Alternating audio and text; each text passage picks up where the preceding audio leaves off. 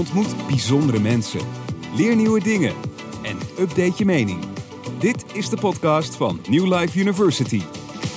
Update je mening met Anatol. Dag Gijs. Anatol, hi. Mijn eerste zin was, eh, wat is je bril mooi? Ja, dankjewel. Ja, graag gedaan. Eh, weet je waarom ik die link leg? Nee. De eerste keer dat wij elkaar ontmoeten was in een hotel langs de A2.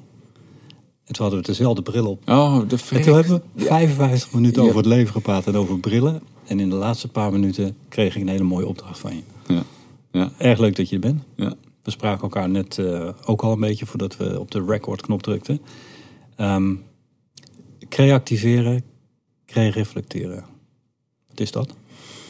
Ja, dat zijn twee zelfbedachte woorden. En die hebben te maken met eh, het feit dat ik op enig moment een eh, boek ging schrijven over mijn leven.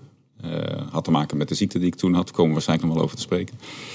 En toen begon ik allerlei dingen van vroeger en van de hedendaagse hedendaagse tijd aan elkaar te plakken. En veel in dichtvorm ook. En toen dacht ik ook, toen ik dat voorwoord erbij schreef... als ik mezelf nou eens in één woord zou moeten typeren... wat is dat dan eigenlijk? eh? En toen kwam ik op, nou, wat, wat kan ik eigenlijk? Nou, ik kan dingen creëren, ik kan mensen activeren... en eh, ik durf te zeggen dat ik meer dan gemiddeld creatief ben. Nou, dan moet je eigenlijk ook een nieuw woord bedenken. Dus zo kwam ik op creativeren.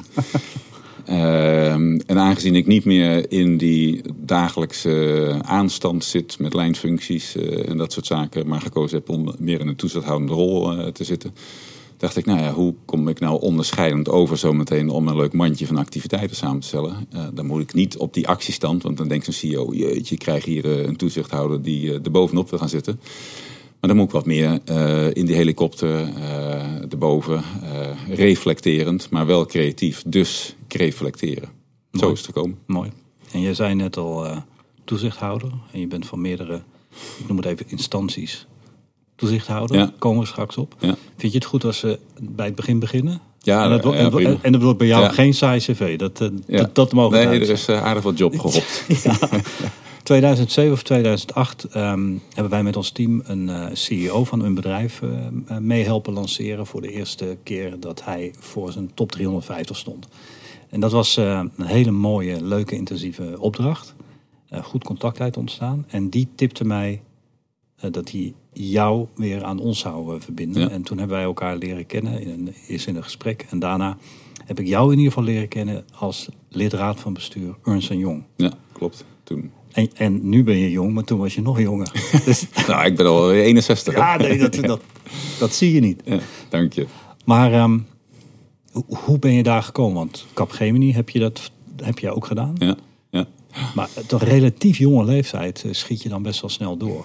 Ja.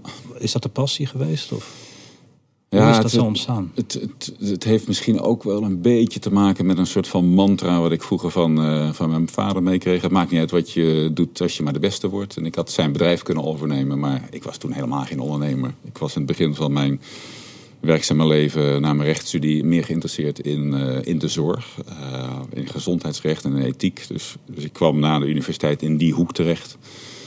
Toen ik nog zoiets eh, in een beleidsondersteunende rol doen bij eh, een Arbo-club. Komen zo meteen nog later over te spreken over hoe cirkels rond kunnen worden. Ja, Eh, las ik. Toen werd ik direct secretaris van een groot ziekenhuis. Toen dacht ik, nou, ik moet toch wat breder gaan kijken. Bedrijfskundeopleiding erbij gedaan. Ehm, en vervolgens viel ik voor een interim manager in dat ziekenhuis. Eh, vond ik zo'n enthousiasmerende vent. Eh, ben bij zijn bureau aan de slag gegaan. Consultancy ervaring opgedaan, interim management ervaring. Ehm, en toen dacht ik, eh, nou laat ik eens naar zo'n groot kantoor gaan.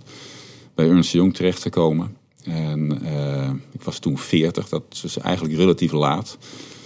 En toen riepen ze ook zoiets van, eh, er gelden hier targets. En wil je partner worden, dan eh, eh, hebben we een nieuw beleid. En dan gaan we op jou testen. Eh, dus ik kreeg een target van 1 miljoen gulden. En toen zei Jan Sietsen van Wijnen, eh, zo heette de partner waar ik mee ging samenwerken. Die zei dat. Dacht ik, Gijs, niet knipperen met je ogen. 1 miljoen gulden, dat ga je toch nooit redden. En in dat jaar had ik dat wel gerealiseerd. Omdat ik zoveel relaties had die allemaal op de een of andere manier eh, klant werden. Dus eh, toen werd ik mijn veertigste partner. En toen dacht ik, nou ja, kostje gekocht. Ik zit bij een groot bedrijf, partner. wat kan er nog gebeuren? Nou ja, toen viel eh, Anderson eh, om en er was een enorm... Anderson Consultancy was het ja? Ja. een enorme eh, discussie bij die Big Four over de relatie tussen de consultancy-takken en de accountancy en de fiscale takken. En toen vond Ernst Young het nodig om als eerste die onafhankelijkheidsregels te gaan volgen. En toen werden we met z'n allen 1200 consultants verkocht aan Capgemini. Dus ik, ik was net partner geworden. Ik denk, holy shit, wat gebeurt er nou? Ja, ja, dus gewoon meegegaan. Heb ik ook wel een, een jaar in een soort van moratorium gezeten. ehm, eh, maar ja, niet bij de pakken neer eh, zittend. eh, hup, gewoon aan de slag. En toen haalde ik eh, de grootste opdracht ever in de gezondheidszorg binnen. De financiering van de, van de ziekenhuizen. Dat heette toen het DBC-systeem. Tegenwoordig heet dat DOTS. Mhm. En dat heb ik toen drieënhalf jaar getrokken. Ook met een soort van, van personal drive. Ik zie me nog die pitch houden daar. Ik ging er in mijn eentje naartoe. Geen andere consultants. Al die andere bureaus zaten er met hele teams. Want ik, ik wilde mijn eigen persoonlijk commitment verkopen. En dat lukte ook. eh, dus ik kreeg die opdracht. Ja, drieënhalf jaar lang met eh, 30 consultants. eh, toen met de onderkoning van Nederland als onafhankelijk voorzitter, Lense Koopmans. Waar ik ook zoveel van heb geleerd. Vier ministers langs eh, gehad in die tijd. Van Els Borst tot Bomhoff. We hadden nog die LPF-tijd. Ehm, nou ja, en, en als je dan zo'n opdracht hebt gedaan, dan ga je niet meer terug in dat gewone na nog eens een visietje en dat soort dingen. En ik merkte ook veel meer dat de bestuurlijke kwaliteit eh, eh, mij triggerde. Eh, toen werd ik gevraagd om in de directie te komen van, eh van Capgemini. Zo van, nou ja, je hebt nou een hele mooie grote opdracht binnengehaald. Jij, jij weet wel hoe dat werkt met sales. Dus eh, toen dacht ik, ja, ga ik dat nou doen op mijn vijftigste? Want dan raak ik die hele zorg, eh, wat een beetje toch mijn leven en mijn liefde was, raak ik kwijt. Eh, maar toch gedaan. Ehm, ook nog wel met een hele mooie boodschap van een goede vriend van mij, bekende headhunter. Die zei, Gijs, ja, als je hier nou nee op zegt, denk je dat je dan nog wel eens voor wat anders gevraagd wordt. Dus, dus eigenlijk kan je gewoon... Foute vraag. Ja, maar het, het, het, het hielp mij wel op dat moment. Want hij zei ook van, je kunt altijd na een paar jaar nog weer terugkeren, eh, als je Ja. dat wil. Nou, dus ik, ik zat daar eh, toen twee jaar eh, in dat team. Ongelooflijk veel leuke dingen gedaan. maar ik vond het team niet zo leuk. Ik vond de toenmalige CEO wel leuk, maar leerde daar niet veel van. En het ging eigenlijk alleen maar om geld verdienen. Dus eh, één foutje in de sales forecast waar ik verantwoordelijk voor was, een komma verkeerd. Meteen een telefoontje uit Parijs. Eh, wat is er aan de hand? Ja jongens, er staat een komma verkeerd, sorry. Dus ik was 50 en eh, we hadden dat prachtige kantoor daar aan de Leidse Rijn in Utrecht, bovenin, zesde verdieping. een soort van Schipholhal, ook als je daar binnenkomt. Hè, dat je echt denkt van wauw, daar zit ik in de directie. Maar in ik was wel vaak aan het ijsberen in die kamer. En dan keek ik naar buiten en denk ik, ben ik nou eigenlijk ben ik nou happy? Eh, en het antwoord is eigenlijk nee. En hoe kwam dat dan precies? Ja, om- omdat je toch niet echt op je plek voelt. Eh, te veel een grote of een kleine schakel in het hele grote geheel. Veel te veel anglo-saxisch gestuurd. eh, En jij wilde iets betekenen. en ik wilde wat betekenen. Ehm, dus, dus daar wrong de schoen. En ik, ik zat ook zo slecht toen in mijn vel. Dat ik denk van ja, ik wil ook als ik 50 ben een gaaf feest geven. eh, maar ik had de ruimte niet. Maar wat gebeurde er toen? Dus ik begon te bewegen. Eh, ik denk, ga ik nou toch een keer zo'n ziekenhuis runnen? Eh, maar toen kwam Ernst Jong op de radarscreen en die vroeg, eh, wil je weer terugkomen en de hele consultancy tak gaan runnen? Toen dacht ik, wauw, dat is gaaf. Dan ben ik marktleider geworden met mijn eigen groep in de zorg. Dat moet ook met zo'n bureau eh, kunnen. dus ik weer terug. Ehm, en dat was ook weer zo'n zo'n zo'n prettig gevoel. Zelfs de secretaresses en zo, die kennen je nog allemaal. Echt, echt een thuiskomgevoel. thuiskomen. Aan de receptie ook mensen. Hé hey, Gijs, jij weer en zo. Ehm, dus ik zat daar weer. En dat was wel een hele bijzondere ervaring. Weer vier jaar lang dat gevoel van op de plek. Eh, konden groeien en bloeien, bureaus overnemen, ging hartstikke goed. Ehm, Een paar keer ook inderdaad beste management consultancybureau van Nederland eh, geworden. Eh, maar toen, na vier jaar, kwam dat gevoel van Capcom terug. We waren inmiddels onderdeel van een EMEA-organisatie, gefuseerd. 90 landen, één grote club met een eh, Europese consultantbaas erbij. Eh, het gebeurden een paar dingen in de top waarvan ik dacht, ja, daar, daar, voel ik me toch niet helemaal eh, lekker bij. Het was ook de tweede crisis van Nederland. Nou, wat, wat gebeurt er dan als eerste? Consultants eruit. Eh, dus in die laatste twee jaar dat ik er zat, ik heb er zes jaar weer gezeten, was het één en al gezeik over de cijfers. Eh, en eh, als het in mijn eigen team niet was, dan was het wel een raad van bestuur. Als het daar niet was, dan was het wel in die Europese top. Als het daar niet was, dan begonnen de fiscale partners te zeuren over het pizzapunt bijdrage deel van de consultants op de totaal. Nou ja, hè. Mm -hmm. En ik realiseerde me steeds meer dat het eigenlijk maar om één ding ging: het veiligstellen van het partnerinkomen. Uh, dus ik zat al niet lekker in de wedstrijd, gerommel in die top. Uh, en toen kwam er een enorm cadeau langs. Althans, zo noem ik het nu. Dat zal voor sommige luisteraars misschien wel heel erg vreemd klinken. Maar ik, ik werd ziek in kanker.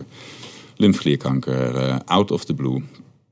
Ik zal het ook, nooit vergeten. Het was ook nog... Uit het niets? Je uit het niets. In één nee, keer? Nee. Ja, ik, ja, ik, had, ik had wel een, een, een soort van bobbeltje op me, hier onder mijn kin. en dat liet ik op kweek zetten. en dat was een paar keer naar een MRI gaan. Dat was allemaal goed. Ik kom die spreekkamer van die specialisten tegen en die zegt ook nog van, uh, nou gefeliciteerd, ik zie je dossier, alles is goed. Oh, sorry, ik maak een fout. Ik lees het verslag van het vorige onderzoek voor. maar u heeft lymfklierkanker. Toen dacht ik even, moet ik nu boos worden of heb ik een ander probleem aan mijn broek hangen? Dat heb ik maar voor dat laatste gekozen. toen hadden we, hadden we smiddags een partnervergadering waar ik ook moest optreden. Dus ja, ik belde uh, de toenmalige CEO op. ik kwam ook trouwens nauwelijks uit mijn woorden. Was dat Jan of niet? nee, dat was uh, Pieter Jongsta. Mm, oh ja, ja. Dus nou, ja, die zei, ja, ga eens thuis blijven. Je hebt wat anders te managen. Ja, dan krijg je zo'n boodschap dat je thuis moet gaan vertellen aan je kinderen. Echt dramatisch. Maar wat gaat er dan door je heen? Want je hebt, je hebt totaal geen idee dat dit er aankomt. Nee, Nee, nee dus, dus, dus je leven staat echt gewoon van het een op het andere moment uh, op zijn kop. Uh, uh, en, en ik moest ook nog schakelen tussen, nou het is goed, oh fuck, het is helemaal niet goed.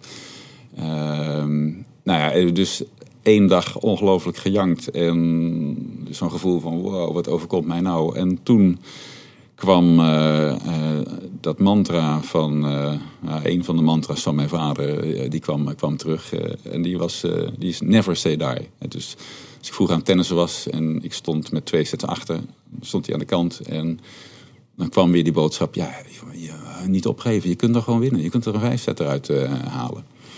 Dus dat was uh, toen de boodschap, uh, niet bij de pakken neerzetten. In dat weekend alles erover nagelezen wat er over te lezen was. allerlei relaties ingeschakeld in de zorg, dat helpt natuurlijk dan. Hm. Maandag bij die specialist, een hele rits van vragen. Toen zei hij nog van, u heeft wel het al goed in beeld gebracht. Het lijkt wel alsof u er meer weet van dan ik. En toen dacht ik, nou, hier moet ik niet lang blijven zitten. Ik moet nu weg. Uh, nou, en omdat je dan zo'n netwerk hebt, heb ik de beste specialist in Nederland opgebeld. Althans zijn secretaresse. Ik, ik, dat weet ik ook nog goed. Uh, ik, had zijn secretaresse aan de lijn. En ik zei, uh, ik wil graag Peter Huygens spreken. Geef maar door die lange kale van 20 jaar geleden. En binnen twee uur belt hij terug. en de volgende dag zat ik daar. en toen had hij de gevleugelde uitspraak...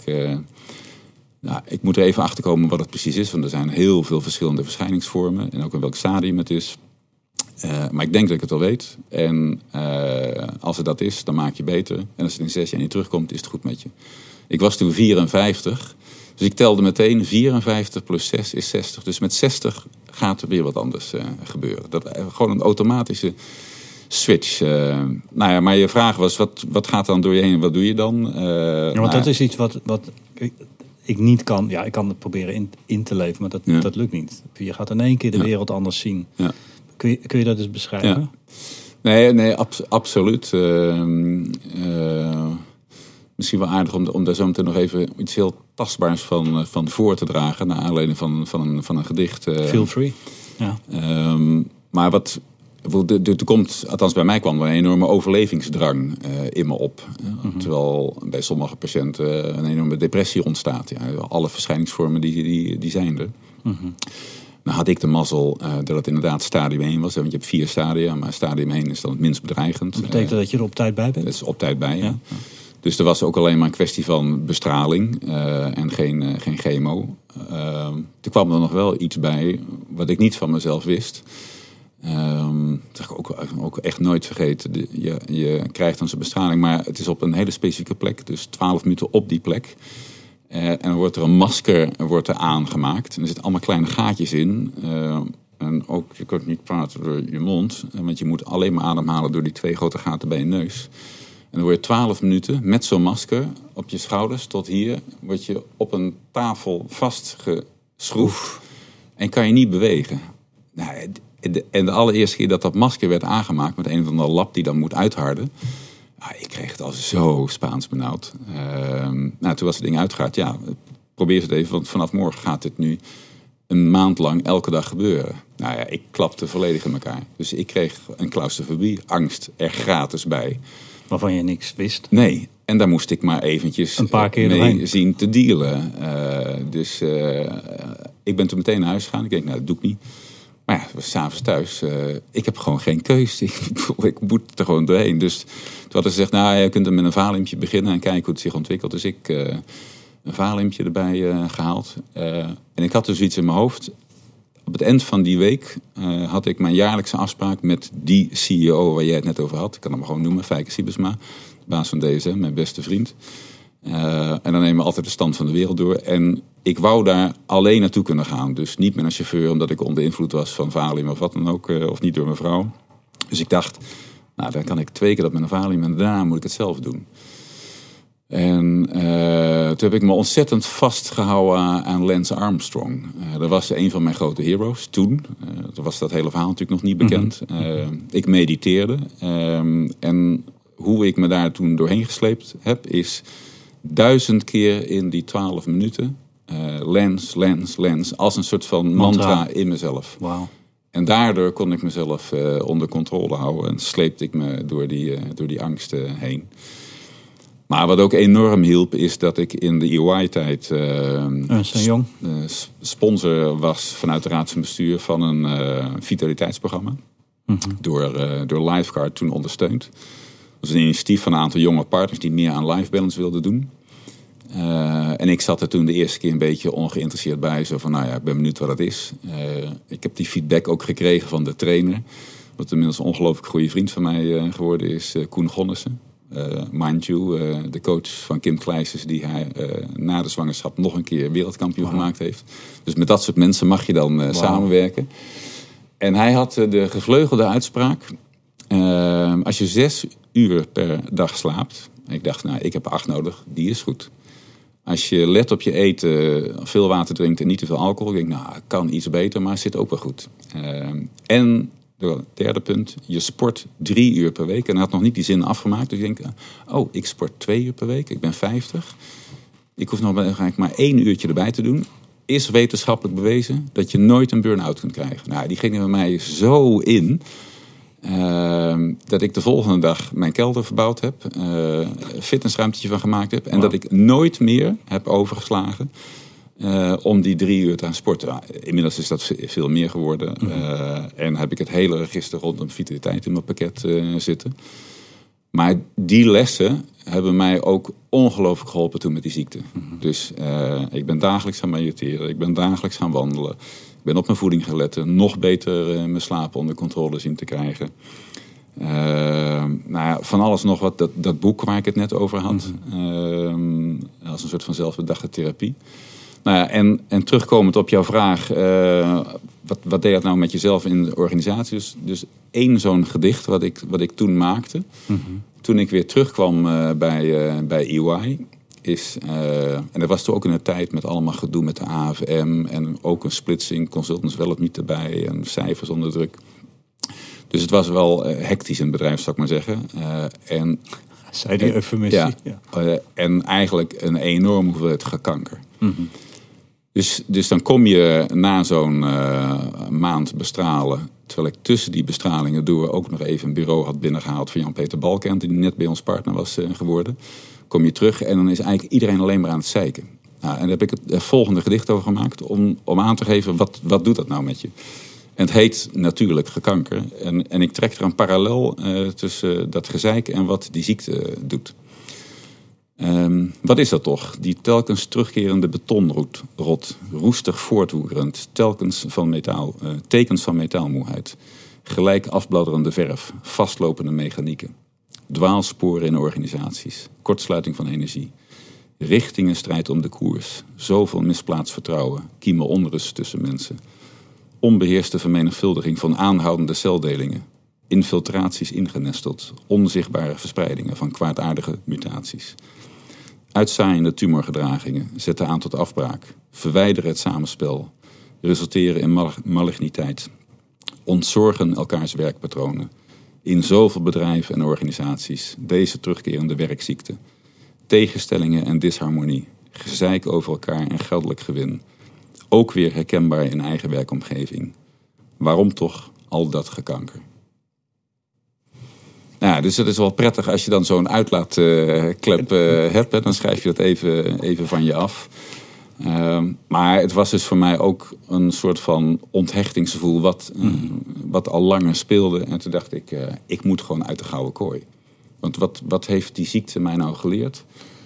En achteraf, ja, het stelt natuurlijk eigenlijk helemaal niks voor. een maandje bestraling, ja, even die klotige claustrofobie. Maar als ik hoor met hoeveel mensen het nog duizend keer erger uh, is, uh, valt allemaal reuze mee. En noem ik het daarom een cadeautje, omdat het voor mij een wake-up call was. Dus ik leerde twee dingen. Het gaat eigenlijk om de twee G's in het leven. Het gaat om uh, gezondheid en geluk. Nou, gezondheid heb je niet in de hand, dat heb ik aan de lijf ervaren. Maar geluk wel. Dus zou ik nou alleen vanwege die enorme vrachtwagen van geld die die partners dan elk jaar binnenkrijgen, moeten blijven zitten om de toekomst veilig te stellen? Of neem ik het hef in eigen handen en ga ik op zoek naar wat anders. Dus ik heb besloten toen uit de gouden kooi te springen. Nou ja, en toen waren er allemaal interessante opties uh, waar ik tegenaan liep. en toen ontstond interesse voor wat ik noem ANWB-achtige organisatie. Ik vond ANWB ook wel heel erg gaaf. Maar dat is heel breed. Hè? Dus het kunnen NGO's zijn, een museum, die Arbohoek... Maar toen die, die, die goede doelenwereld begon te interesseren. Dus had ik een advertentie bij, van Ebbingen Consultant, algemeen directeur Ronald McDonald Kinderfonds. En daar schreef ik op. Gesprek met Ed Nijpels en, en anderen. En ik werd aangenomen. Um, maar ik vond het niet zo heel erg spannend. Ze gingen allerlei taken afbouwen. Mm -hmm. En dat bestuur zei ook eigenlijk tegen mij van... is dat niet een maatje te klein voor jou? Dus toen heb ik hem laten schieten. Vond ik, wel, vond ik ook wel stoer. Je springt uit de gouden kooi. Je hebt niks anders. En je zegt nee uh, tegen, en je zegt nee tegen zo'n mooie ja. job. Hè, die die uh, later door een minister uh, is overgenomen. Ehm, en overigens, by the way... Ik kwam Ed Nijpels ook weer tegen bij het Rode Kruis. Want die was dan voorzitter van het International Climate Center. Maar we zijn goede maatjes gebleven. En toen heb ik uh, drie kwart jaar uh, uh, totaal wat anders gedaan, maar wel met die vitaliteit. Mag ik je nog iets, iets vragen ja. over, over wat je me tot nu toe hebt verteld? Ik, ik, ik, praat wel met een man nu die zijn hart volgt uiteindelijk. Hè? En, en je hebt dan een wake-up call nodig gehad. Ja. Maar voordat je die wake-up call net zat te beschrijven, heb jij al heel veel momenten gehad waar je achter je waarde aanging. En Ja. waar je dus eigenlijk dacht, dit klopt niet of, of en of klopt niet voor mij. Dit is niet goed voor mij. Ik ga een wijziging aanbrengen. Ja. Eens? Ja, ja, eens en dan ben je eens. een enorme pragmaticus. Ja. Niet bij de pakken neerzetten. Je hebt jezelf 24 uur gegeven. Nou, een extended version. één weekend. ja, ik praat met mensen die daar tien ja. jaar moeite mee hebben. Eh, of meer. Ja. Dus eh, pragmaat. Ja. En je volgt je hart en je blijft trouw aan je, aan je waarden. Ja. Is, is dat ook een deel van eh, om, om, om die periode een klein beetje te beschrijven nog voordat je, voordat je ziek werd en, en, en weer daarna? Dat is toch iets wat jou Ja. karakteriseert, typeert? Ja, Trouw zijn aan jezelf? de- de- de- Deels, hè. Ik, Waar twijfel je? ik, nou ja, kijk, stel nou dat ik die ziekte niet had gehad. Dat was mijn volgende vraag. Ja, Wat zou je dan gedaan hebben? Zou, en daar heb ik het vaak met, met mensen over gehad. eh, ik denk dat ik vroeg of laat dan toch eh, uit die gouden kooi was, eh, was gekropen. Mhm. Maar waarschijnlijk toch wel wat later. En, en dus dus hoe, hoe trouw ben je dan, dan aan jezelf? En ja, soms heb je echt zo'n wake-up call nodig om echt Mhm. eventjes tot een reset te komen. Nou ja, want, want een eerlijk antwoord op je vraag is toch wel dat ik eh, in die fase tot 54, 55 zou ik maar zeggen, eh, vooral het motto leefde van wat ik toen had. Mhm. En dat prachtige gedicht van, eh, van Marsman, groots en meeslepend wil ik leven. Ook, toch ook een beetje zo van, kijk, mij is dat ik Mag het ik allemaal vragen wel dan waarom? goed doe. Is dat, is dat dan dat welbekende ego? Wat- ja, ja. Ik weet ja, waarom ik heel veel heb gedaan. Bij mij was het een soort onzekerheid. Ik heb, ben, ben, ben in mijn jeugd een klein beetje gepest. En ik heb heel veel gedaan. Nou, niet alleen maar om te compenseren, maar ook... Ja, eigenlijk toch ook weer wel. En op een gegeven moment denk je van, ach, ach, iedereen is onzeker. Denk ik, dacht Ja. ik. Dus daar had ik niet meer zo'n zo'n last van. Overigens, ik heb een jaar taxi gereden, omdat ik even moest herkalibreren over het leven. Mhm. En jouw verhaal, ehm, maar dan in heel andere vormen, hoorde ik eh, regelmatig bij mensen die hun leven omgooiden. Ja. Ja. En toen, toen dacht ik van, wat, wat, wat maakt het dan dat, dat er vaak iets moet gebeuren voordat je het dan omgooit? Voordat je dan trouw blijft Ja. of wordt aan jezelf. Ja. Ja, er zijn dan natuurlijk toch meerdere momenten, eh, bepaalde trainingen, bepaalde intervisieachtige bijeenkomsten, gesprekken met goede vrienden. Ah, ja, moet ik nou wel op diezelfde koers eh, doorgaan? Ik, ik had altijd ook met, eh met van die gesprekken van... Ah, later komen we wel een keertje in het bestuur van Amnesty... dan gaan we wat terug goed doen. Hè? Nooit weten dat ik nog eens een keer algemeen directeur van het Rode Kruis zou, Ja, zou gaan gedaan, worden. ja.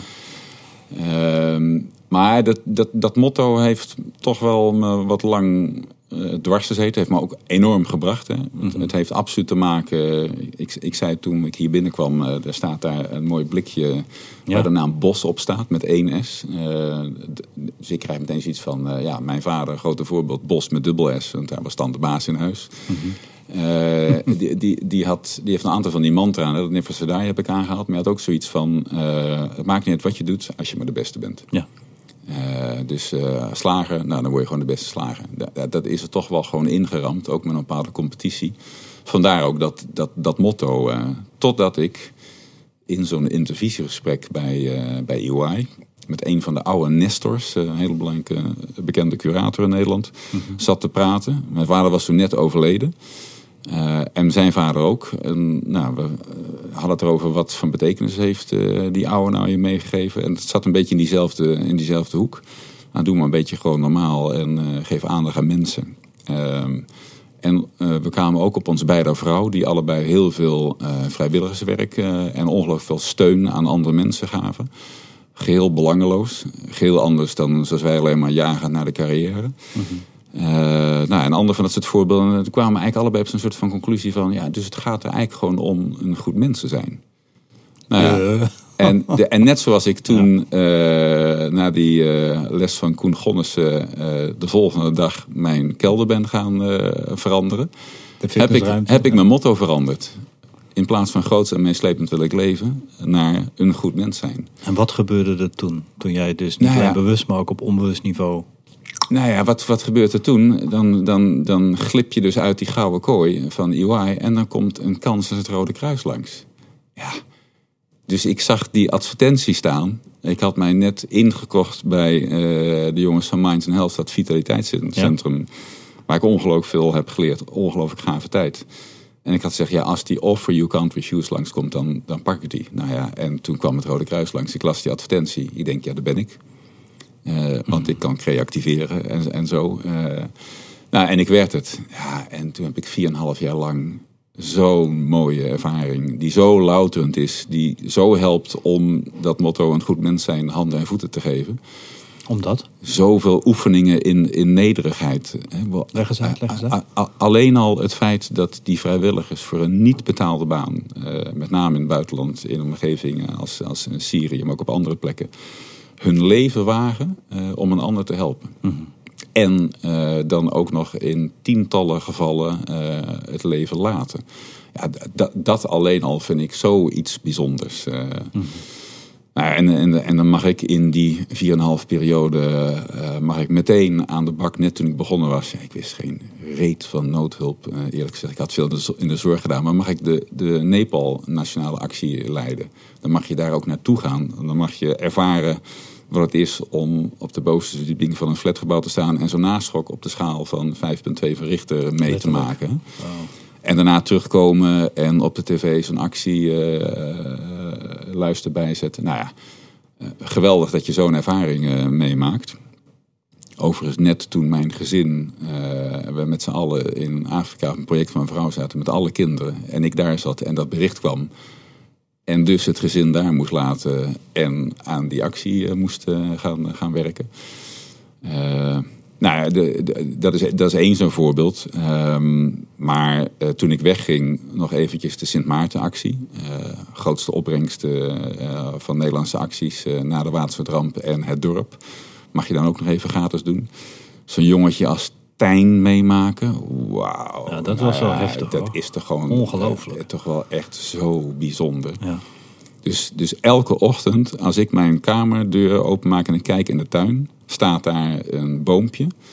En dat heb ik gekregen van uh, eh, 3FM op mijn afscheid. Ehm, want ik had een actie gestart zelf. Ehm, het ging toen over Give Them Air, hè, uh, kinderen met longziekte. Uh, nou ja, en dan komt hij met die geweldige actie.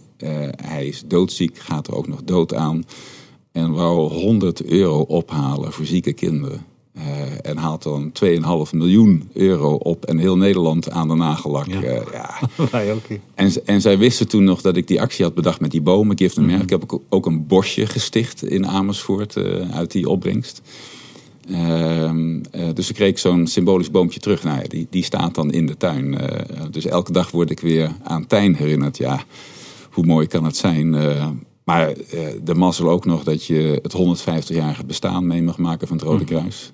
In de ridderzaal, uh, met de koning, de hele Santemekraam. Maar ook nog het Joodse dossier mag afhandelen. Excuses aanbieden aan de Joodse gemeenschap voor de nalatigheid in de Tweede Wereldoorlog. toen ze allemaal terugkwamen en het Rode Kruis, die als credo heeft... in tijden van nood laten we niemand alleen staan. Maar toen wel de Joden alleen lieten staan nou, zo'n dossier eh, eh, eh, mogen beheren en tot een goed einde brengen. Nou ja, en, en, en tot slot uh, komt misschien toch weer een beetje dat ego terug. nummer vier meest inspirerende consumentenorganisatie van Nederland achterlaten. Mhm. Ja, dan is het gewoon een stoepwinkel geweest om al dat creativeren van, van toen en al die relaties in te kunnen brengen. Is dat voor iedereen weggelegd? Met andere woorden, het is een beetje een rare vraag. Maar is dat dan een gave waar je mee wordt geboren? Ik, ik denk het niet. Ik, als ik, ik mag met heel veel leiders werken en meerennen. En dan zie ik heel veel karakteristieken. Dan is het uiteindelijk weten wat je wil. Uh, trouw zijn aan, aan, aan, principes, een aantal principes. Trouw zijn aan je waarden. Ongelooflijk hard werken, moeilijke keuzes moeten maken. Je gezin achterlaten en iets anders gaan doen. Dat heb jij gedaan. En, en er gewoon altijd zijn. Nou, ik kan denk ik nog wel vijf minuten doorgaan met die karakteristieken. Hè? Dus ben je dan een geluksvogel, uh, Gijs? Nou, kan iedereen het? Uh, of leren, dat denk ik, nee, ik denk niet dat iedereen het kan. Hè, want, je, want je moet ongelooflijk gedisciplineerd uh, zijn. je moet al die uren willen werken ervoor over hebben. Je moet andere dingen ervoor opzij zetten. Nou, dat is niet iedereen gegeven. dat wil ik niet zeggen dat dat allemaal maar goede keuzes zijn geweest.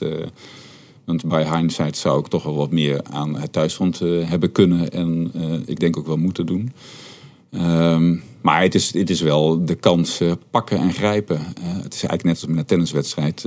ja, je moet dan eventjes die, die beslissende slag slaan. En hem ook durven te slaan in het uiterste hoekje of helemaal schuin. Maar gaat het leven dan over winnen en verliezen? Nee, nee dan, dan, dan gaat het er echt om in die end in mijn ogen ertoe doen. Uh, het verschil kunnen maken. En dan ook nog een beetje vanuit dat goede mensenoptiek uh, anderen kunnen helpen daarmee. Mm terwijl die misschien in het begin wel wat meer stond in dat winnen van, van die wedstrijd.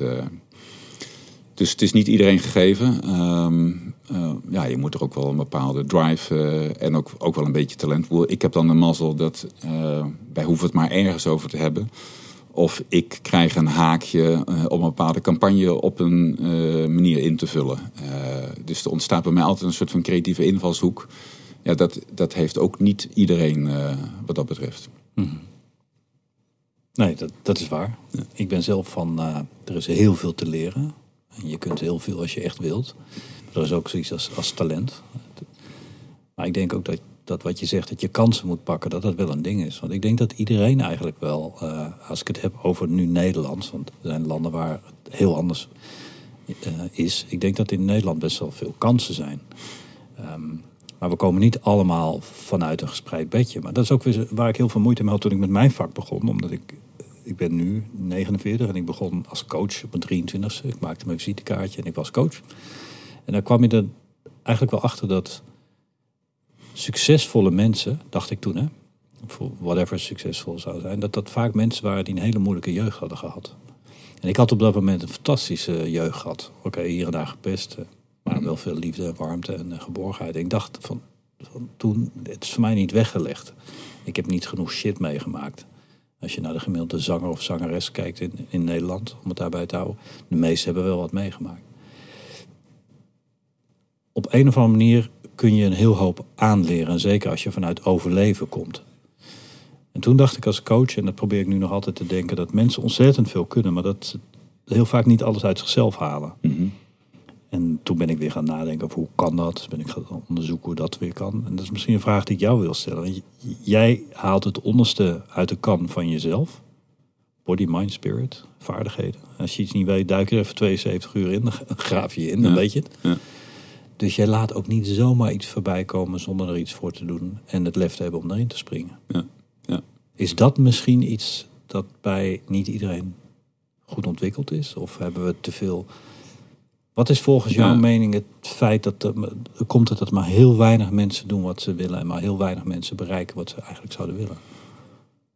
En dan heb nog niet eens over de vele desillusies die er Nee, rondlopen. nee. Wat is dat? Nee, nee. Wat is dat? Ja, je, je, je moet ook wel een beetje mazzel hebben. Hè. Je moet ook wel tegen die dingen aanlopen. Maar mijn stellige overtuiging is ook dat als je zelf in beweging komt, eh, als je een bepaalde richting voor ogen hebt. eh, in mijn geval was het eigenlijk altijd, eh, nou, toen ik in die zorg kwam, ja, dan moet ik op een gegeven moment ook gewoon zo'n ziekenhuis gaan runnen. Dus dat. dat eh, Om terwijl iets dat, te kunnen betekenen. ja, terwijl dat dus niet gebeurd is. Dus ik heb toch gewoon andere afslagen genomen, omdat die langskwamen. Partnership, maar wel in de zorg, marktleider. Eh, en toen die directiefuncties.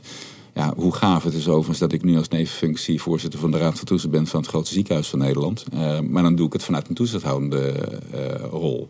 Ja, die, die komt dan, nou, ik zeg toevallig, maar natuurlijk niet helemaal toevallig dan, dan langs. Maar cirkels worden wel rond. De cirkels worden daarmee rond. maar, maar, maar wat misschien ook wel meespeelt, eh, is dat je op een gegeven moment, nou, daar heb ik wel, wel een mooi voorbeeld over, dat er iets onbewust in je kan zitten, eh, waar je pas later bewust van wordt dat dat een kernvaardigheid is. Ik zal nooit vergeten toen ik net partner werd van EY, en we bij Nijrode zo'n klasje zaten, eh, met een paar psychologen erbij, en je werd op een stoel gezet, nou vertel je, vertel je levensverhaal eh, maar. Nou, dus ik begon over mijn jeugd en over tennis en drive en dat soort dingen. Ehm, en toen vertelde ik ook een heel persoonlijk verhaal dat ik mijn broer heb verloren in het verkeer.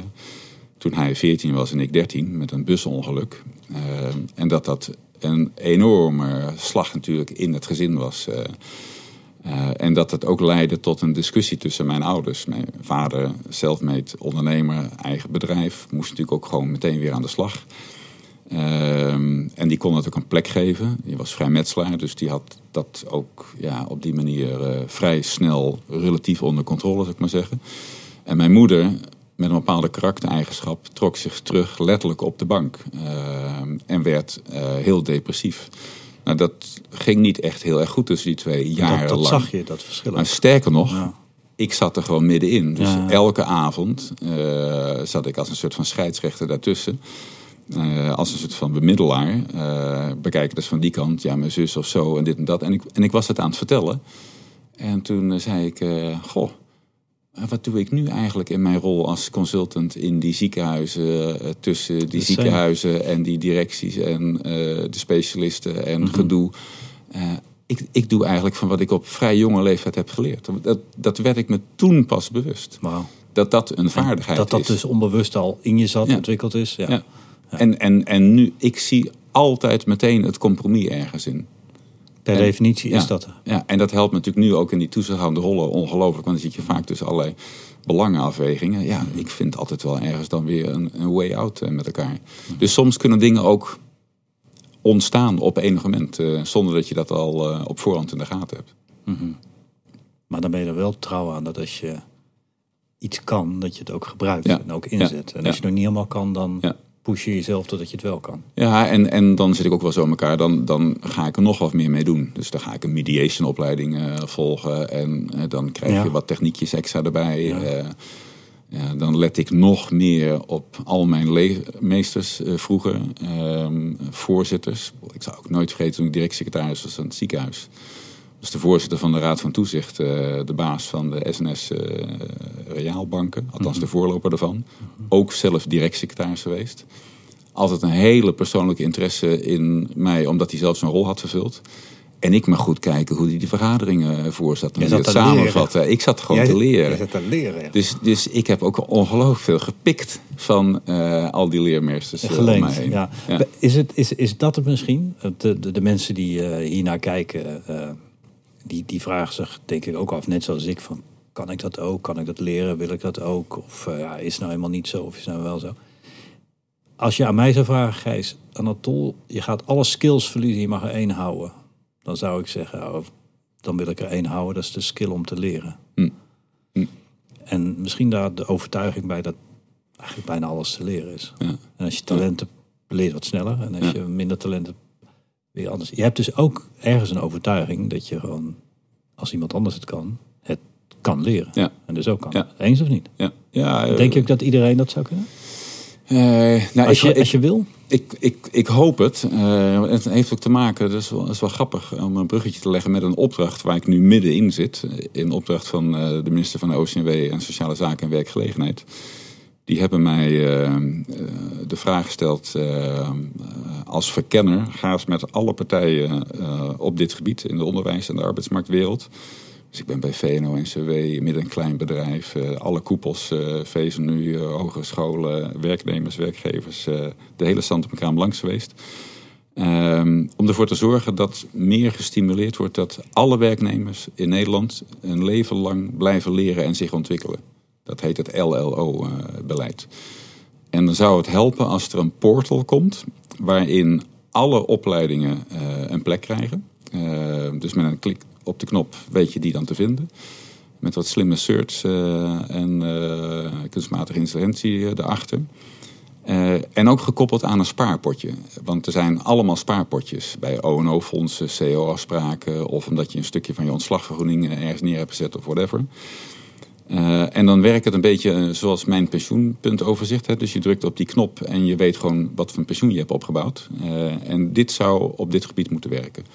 Nou, dus ik heb zo'n concept in elkaar gedraaid met alle partijen. We hebben er nog een extra functie aan vastgeknoopt, namelijk welke informatie is er nou allemaal te koop op het gebied van opleidingen? Welke events zijn er? Welke trends? eh arbeidsinformatiegegevens, et cetera.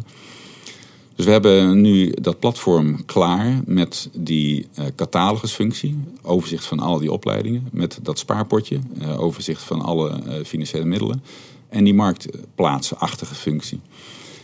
En nu is het nog de truc om iedereen zover te krijgen dat ze allemaal zeggen: dit willen we ook gaan neerzetten. Ehm, nou, en gaan we dat dan doen in een publiek-private samenwerking of gaan we meer een social enterprise zonder de belangen van al die partijen en vertrouwen we vijf mensen in een bestuur die dit gaan runnen? Maar je, je faciliteert eigenlijk het kunnen leren. Ja, ja, ja. ja de, en, en daarmee, hè, dus kan, kan, kan iedereen dat leren? Dat was jouw, jouw vraag. Ja. Nou ja, dit, dit zou dus enorm helpen. Want we gaan dan beginnen met eh, mensen tot mbo 4. Hè, want daar, daar blijkt uit ten opzichte van tien jaar geleden... dat die eh, veel minder zich eh, op de cursusmarkt begeven dan tien jaar geleden. Dat is eigenlijk gewoon heel, heel triest met alle technologische ontwikkelingen... de verduurzaming, eh, arbeidsmarkttekorten, et cetera. En zo'n platform zou hun enorm kunnen helpen door allerlei vragen te stellen, testjes in te vullen. Gewoon op je telefoon. op je telefoon, lekker laagdrempelig. En dan, Mhm. oh, oh de- de- ik heb er ook nog wat geld voor opgebouwd. Nou ja, voordat dat ding er is, zijn Mhm. we natuurlijk een jaar verder. Maar dat zou dus eh, die groep, dat dan de eerste. eh, maar zo hebben we tien groepen in kaart gebracht. En zou uiteindelijk alle werknemers in Nederland gestimuleerd gaan worden om zich een leven lang eh, te blijven ontwikkelen en, en te leren. Nou ja, en toen zat ik bij mezelf na te gaan van hoe was dat nou ook weer bij mij vroeger. Oh ja, toen ik daar in die directie van KAP kwam, toen moest ik opeens veel Engels spreken. Heb ik altijd verdrongen in mijn studie. Dus naar de nonnen. Ja, in Eh, Vught. huppatee, naar Vught. Ja. Nou ja, en, en zo kwam ik erachter, ja, zo heb ik eigenlijk wel heel veel dingen gedaan om toch elke keer dat stapje extra te kunnen zetten. Ja, dat, dat bedoel ik. Ja, Ja, dat bedoel ik. ja, Je, get- it done. je gaat er gewoon achteraan. ja, Ja, en dan, dan weten we dat er een soort software in het kopie eh, eh, zit. Eh, Ja. Software regeltjes. En dat, dat noem ik zelf de overtuiging. En, Ja. en je bent ervan overtuigd dat dat, dat, kan leren. Ja. Ik hoop dat, ook, dat dat echt overkomt eh, bij, bij alles wat we hier doen. eh, nu, maar ook in, eh, in alle, bij alle andere gasten. Er is zo ontzettend veel mogelijk. Maar je moet er- ergens het geloof ontwikkelen dat je dat zelf ook Ja. kan. Ja. En misschien ook wel mag van Ja. jezelf. En iets minder druk maken om die omgeving. Nou en, en hopelijk ook een omgeving hebben. eh, Dat bedoel ik, van, van goede vrienden of het gezin of je kinderen. Mhm. die, die je daar ook gewoon scherp in houden. Ja, en ik heb wel altijd een gelukzalige omgeving eh, gehad van een aantal hele goede vrienden die ook een beetje in deze moot zaten. Eh, dus daarmee stimuleer je elkaar eh, ook behoorlijk. Ja, als je op een schaal van 1 tot 10 jezelf een 7 geeft, dan is het heel makkelijk om jezelf te om- omringen met 6, 5 en Ja, 4, omdat ja. je daar de koning bent. Ja, Maar ja, ja. Ik probeer af en toe toch wel mensen in mijn omgeving te trekken die eh, mij licht oncomfortabel maken. Ja, ja, nee, daar heb ik ook last en dat, van. En dat, daar leer je enorm van, want ik zit te leren, Gijs. Ja. Maar je hebt ontzettend veel verschillende dingen gedaan. Maar er is wel een rode draad. Het heeft te maken met mensen. Het heeft te maken met gezondheid, levensstijl, Ja, ehm, leren. ja, Ehm, en eigenlijk de dingen die je hebt gedaan, zeker als je terugkijkt, zijn wel een optelsom van wat je eigenlijk had moeten doen. ja, Met hier en daar een detour. ja. Mag ik je iets vragen over de toekomst? Mhm. Misschien dat we hier en daar hak op de tak gaan. Maar je zegt zoveel interessante dingen dat ik op een paar dingen wil inzoomen. Je zei net al artificial intelligence. eh, als voorbeeld voor waar je mee bezig bent. Om betere zoekresultaten te geven enzovoort. Ik geloof in vooruitgang. Ik geloof in kansen. Ik ben een, iemand met een positieve blik op het leven. Toch vind ik het best wel spannend dat er nu artificial intelligence is. Machine learning. We maken er zelf ook eh, gebruik van. Eh, robots. En als ik dan een spreekbeurt geef, en ik heb het erover, omdat ik heel vaak toch de trends erbij doe om mensen een soort heads-up te geven van wat er gaat komen. Omdat ik zoveel mooie mensen ken, weet ik vaak net even 1, 2, 3 jaar eh, wat meer. Of koffiedik kijken is het soms, maar soms hoor je gewoon wat dingen die andere mensen niet weten. En dan vertel ik die dingen. En dan merk ik wel eens dat ik mezelf moet managen, dat ik niet licht somber word. Hm. Want Hm. er verandert natuurlijk een hoop in de wereld. Dat is altijd zo geweest. De snelheid van verandering weliswaar is verhoogd, maar verandering is normaal. En mensen zijn ontzettend flexibel uiteindelijk. En als we naar banen kijken, zijn er heel veel banen van vroeger nu niet meer, maar er zijn heel veel nieuwe banen voor in de plek gekomen. Maar toch komt er dan een uitspraak bij mij eh, richting de zaal van ja, het verschil is dat straks robots robots gaan maken en dat software software programmeert. Hoe is jouw mening over de komende jaren? Is er genoeg werk voor iedereen? En gaan er niet straks heel veel mensen gewoon geen werk meer, meer hebben? Mhm. Je ziet veel, je hoort veel. Ja. Vliegtuigen is overheen. Ja, ja. Wat is jouw mening? Nou, de, de, de, AI-trend en de technologietrend en de robotisering, eh, ja, die, die is onomkoombaar eh, wat dat betreft. Eh, ik geloof er wel heilig in dat er altijd mensen nodig zullen blijven zijn om die slimme connecties te maken, om het überhaupt uit te vinden, om het toe te passen. inderdaad. eh. Eh, het zal in sommige sectoren zeker een bedreiging eh, zijn. Eh, het, het, grappige is, ik was vanochtend was ik bij een directielid van Leaseplan. En toen hadden we het over de grote bedreiging in die sector. Maar mo- moet je even voorstellen dat je in die auto-industrie zit. en dat je een heel simpel businessmodel hebt wat dat betreft. Maar dat er opeens elektrisch rijden gaat komen. En dat je je afvraagt, als wij nu veel daarin investeren... eh, en veel van die auto's eh, kopen met nog niet die goede batterijen... dan over vier jaar eh, moeten we die boel verkopen... en dan wil iedereen die geüpdate versies hebben. Ah, de- ik wil de nieuwste computer, de nieuwste horloge. ja, ja, nou, dus, dus, dus zij zitten heel goed te kijken van hoe lang kunnen we dan dat soort dingen bijvoorbeeld uitstellen. En als je dan daarvan bekomen bent, dan komt de volgende bedreiging erachteraan van zelfrijdende auto's. eh, ehm. en wat ik helemaal frappant vond, is dat je zei van ja, eigenlijk zijn onze concurrenten niet de grootste bedreiging, maar bedrijven als eh, Amazon. Want die hebben een enorme bank, een enorme pot geld. Eh, en die kopen gewoon van alles en nog wat eh, op. Ehm, dus, dus ja, bedreigingen zijn van alle tijden. En ik wou zeggen, in deze tijden zijn ze veel hectischer en in kwadratische vormen voor sommige industrieën. En de, de concurrentie vroeger was vaak uit je eigen branche. Ja, Maar nu heb je een WhatsApp zonder infrastructuur. Ja. Die in één keer telefoonverkeer overneemt.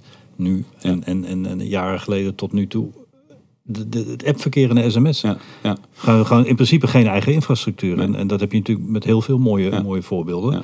Dat het uit het niets, en dan komen we bij het populaire woord disruptie. Uit het niets komt er een heel andere partij. Airbnb heeft geen eigen woningen in principe. Het is best wel heftig. Ja. Nee, maar, maar, maar daarom is die discussie die we net over dat leven lang leren eh, en ontwikkelen eh, hadden. Zo belangrijk hè, dat je Volledig niet eens. aan die kant staat en het je laten overkomen. Eh, maar dat je op alle gelaagdheden van verschillende beroepen ervoor zorgt dat je bij de tijd blijft. Of op tijd ervoor zorgt dat je de bakens verzet en eh, je laat omscholen eh, of je laat begeleiden. En hulp daarbij inroept. of dat bedrijven zelf daar veel meer op ingesteld zijn. Want dat is natuurlijk ook nog wel zoiets dit is lekker makkelijk praten, maar in het midden- en kleinbedrijf waar een HR-functie niet heel erg ontwikkeld is, moeten mensen het allemaal maar zelf uh, doen. Um, maar proberen zoveel mogelijk toch zelf in die lead te blijven. Dat, dat, dat is wel een hele belangrijke les om te voorkomen dat je, dat je aan die kant staat. En daarom is het belangrijk dat je ook weet waar het, waar het misschien wel naartoe gaat. Dat je dus erop anticipeert. Ja. Maar bij jou zit er een heel hoog verantwoordelijkheidsgevoel. Maar ook een heel, heel hoog zelfredzaamheid in. Ja. En ook een, een, ik noem dat het motortje in je. Ja. Uh, jij gaat niet wachten totdat iemand je gaat vertellen wat er gaat gebeuren. Je hebt het zelf al goed, uh, goed in de smiezen en je anticipeert daarop. Ja. Ja. Ja. Maar dat is niet met iedereen zo, hè? Nee. Nee, nee, hoe, nee. Hoe, hoe, zie jij die arbeidsmarkt uh, zich ontwikkelen? En, en, denk je echt dat de banen die nu weggaan door robotisering straks gewoon uh, worden ingevuld door nieuwe banen? Want ik heb, ik heb zelf het vermoeden dat we uh, nou, als ik helemaal los ga, dan denk ik zelfs dat we in een situatie gaan komen waar niet elke baan meer vervangen wordt door een ander. Op een gegeven moment heb je een heel hoop mensen die in de creatieve sector eh, zijn, in de communicatieve sector zijn. Een hoop mensen die intuïtie kunnen gebruiken. Het zijn allemaal dingen die nog ver van computers en artificial intelligence nu nog afstaan. Ja. Uh, maar uiteindelijk, um, dat, dat is mijn idee, ga je ook heel veel mensen niet meer een baan kunnen geven of kunnen geen baan meer krijgen. En ga je dan zelfs een verschuiving naar, naar een universal basic income nodig hebben om die mensen. Hoe zie je dat, dat? Dat is natuurlijk wel inderdaad een discussie die, die, die speelt. Hè. Eh, ik kan het niet helemaal overzien. Ik, ik eh, ben nog altijd een beetje van het glas is half vol. Eens. Dus uh, er moeten toch allerlei mogelijkheden ontstaan, ondanks al die verschuivingen in die arbeidsmarkt, uh, dat daar voldoende plek voor uh, mensen met allerlei behoeftes en interesses is je, je ziet ook uh, de feminisering in verschillende beroepen. Uh, je ziet deeltijdwerk, uh, veel meer het werk verdelen tussen man en vrouw. Dus in plaats van wat ik gedaan heb, zes dagen in de week aanstaan en 80 uur in de week werken, ja, de nieuwe generatie zit daar anders in. Dus dat werk verdeel je makkelijker met elkaar. Mm. dus dus ik, ik ben daar iets minder somber in. En ik, ik geloof ook al wat meer in, uh, in de creativiteit van de mensheid of van de hulpverlenende organisaties of de werkgevende instanties om dan weer in die gaten te voorzien uh, ja. op de een of andere manier. Uh.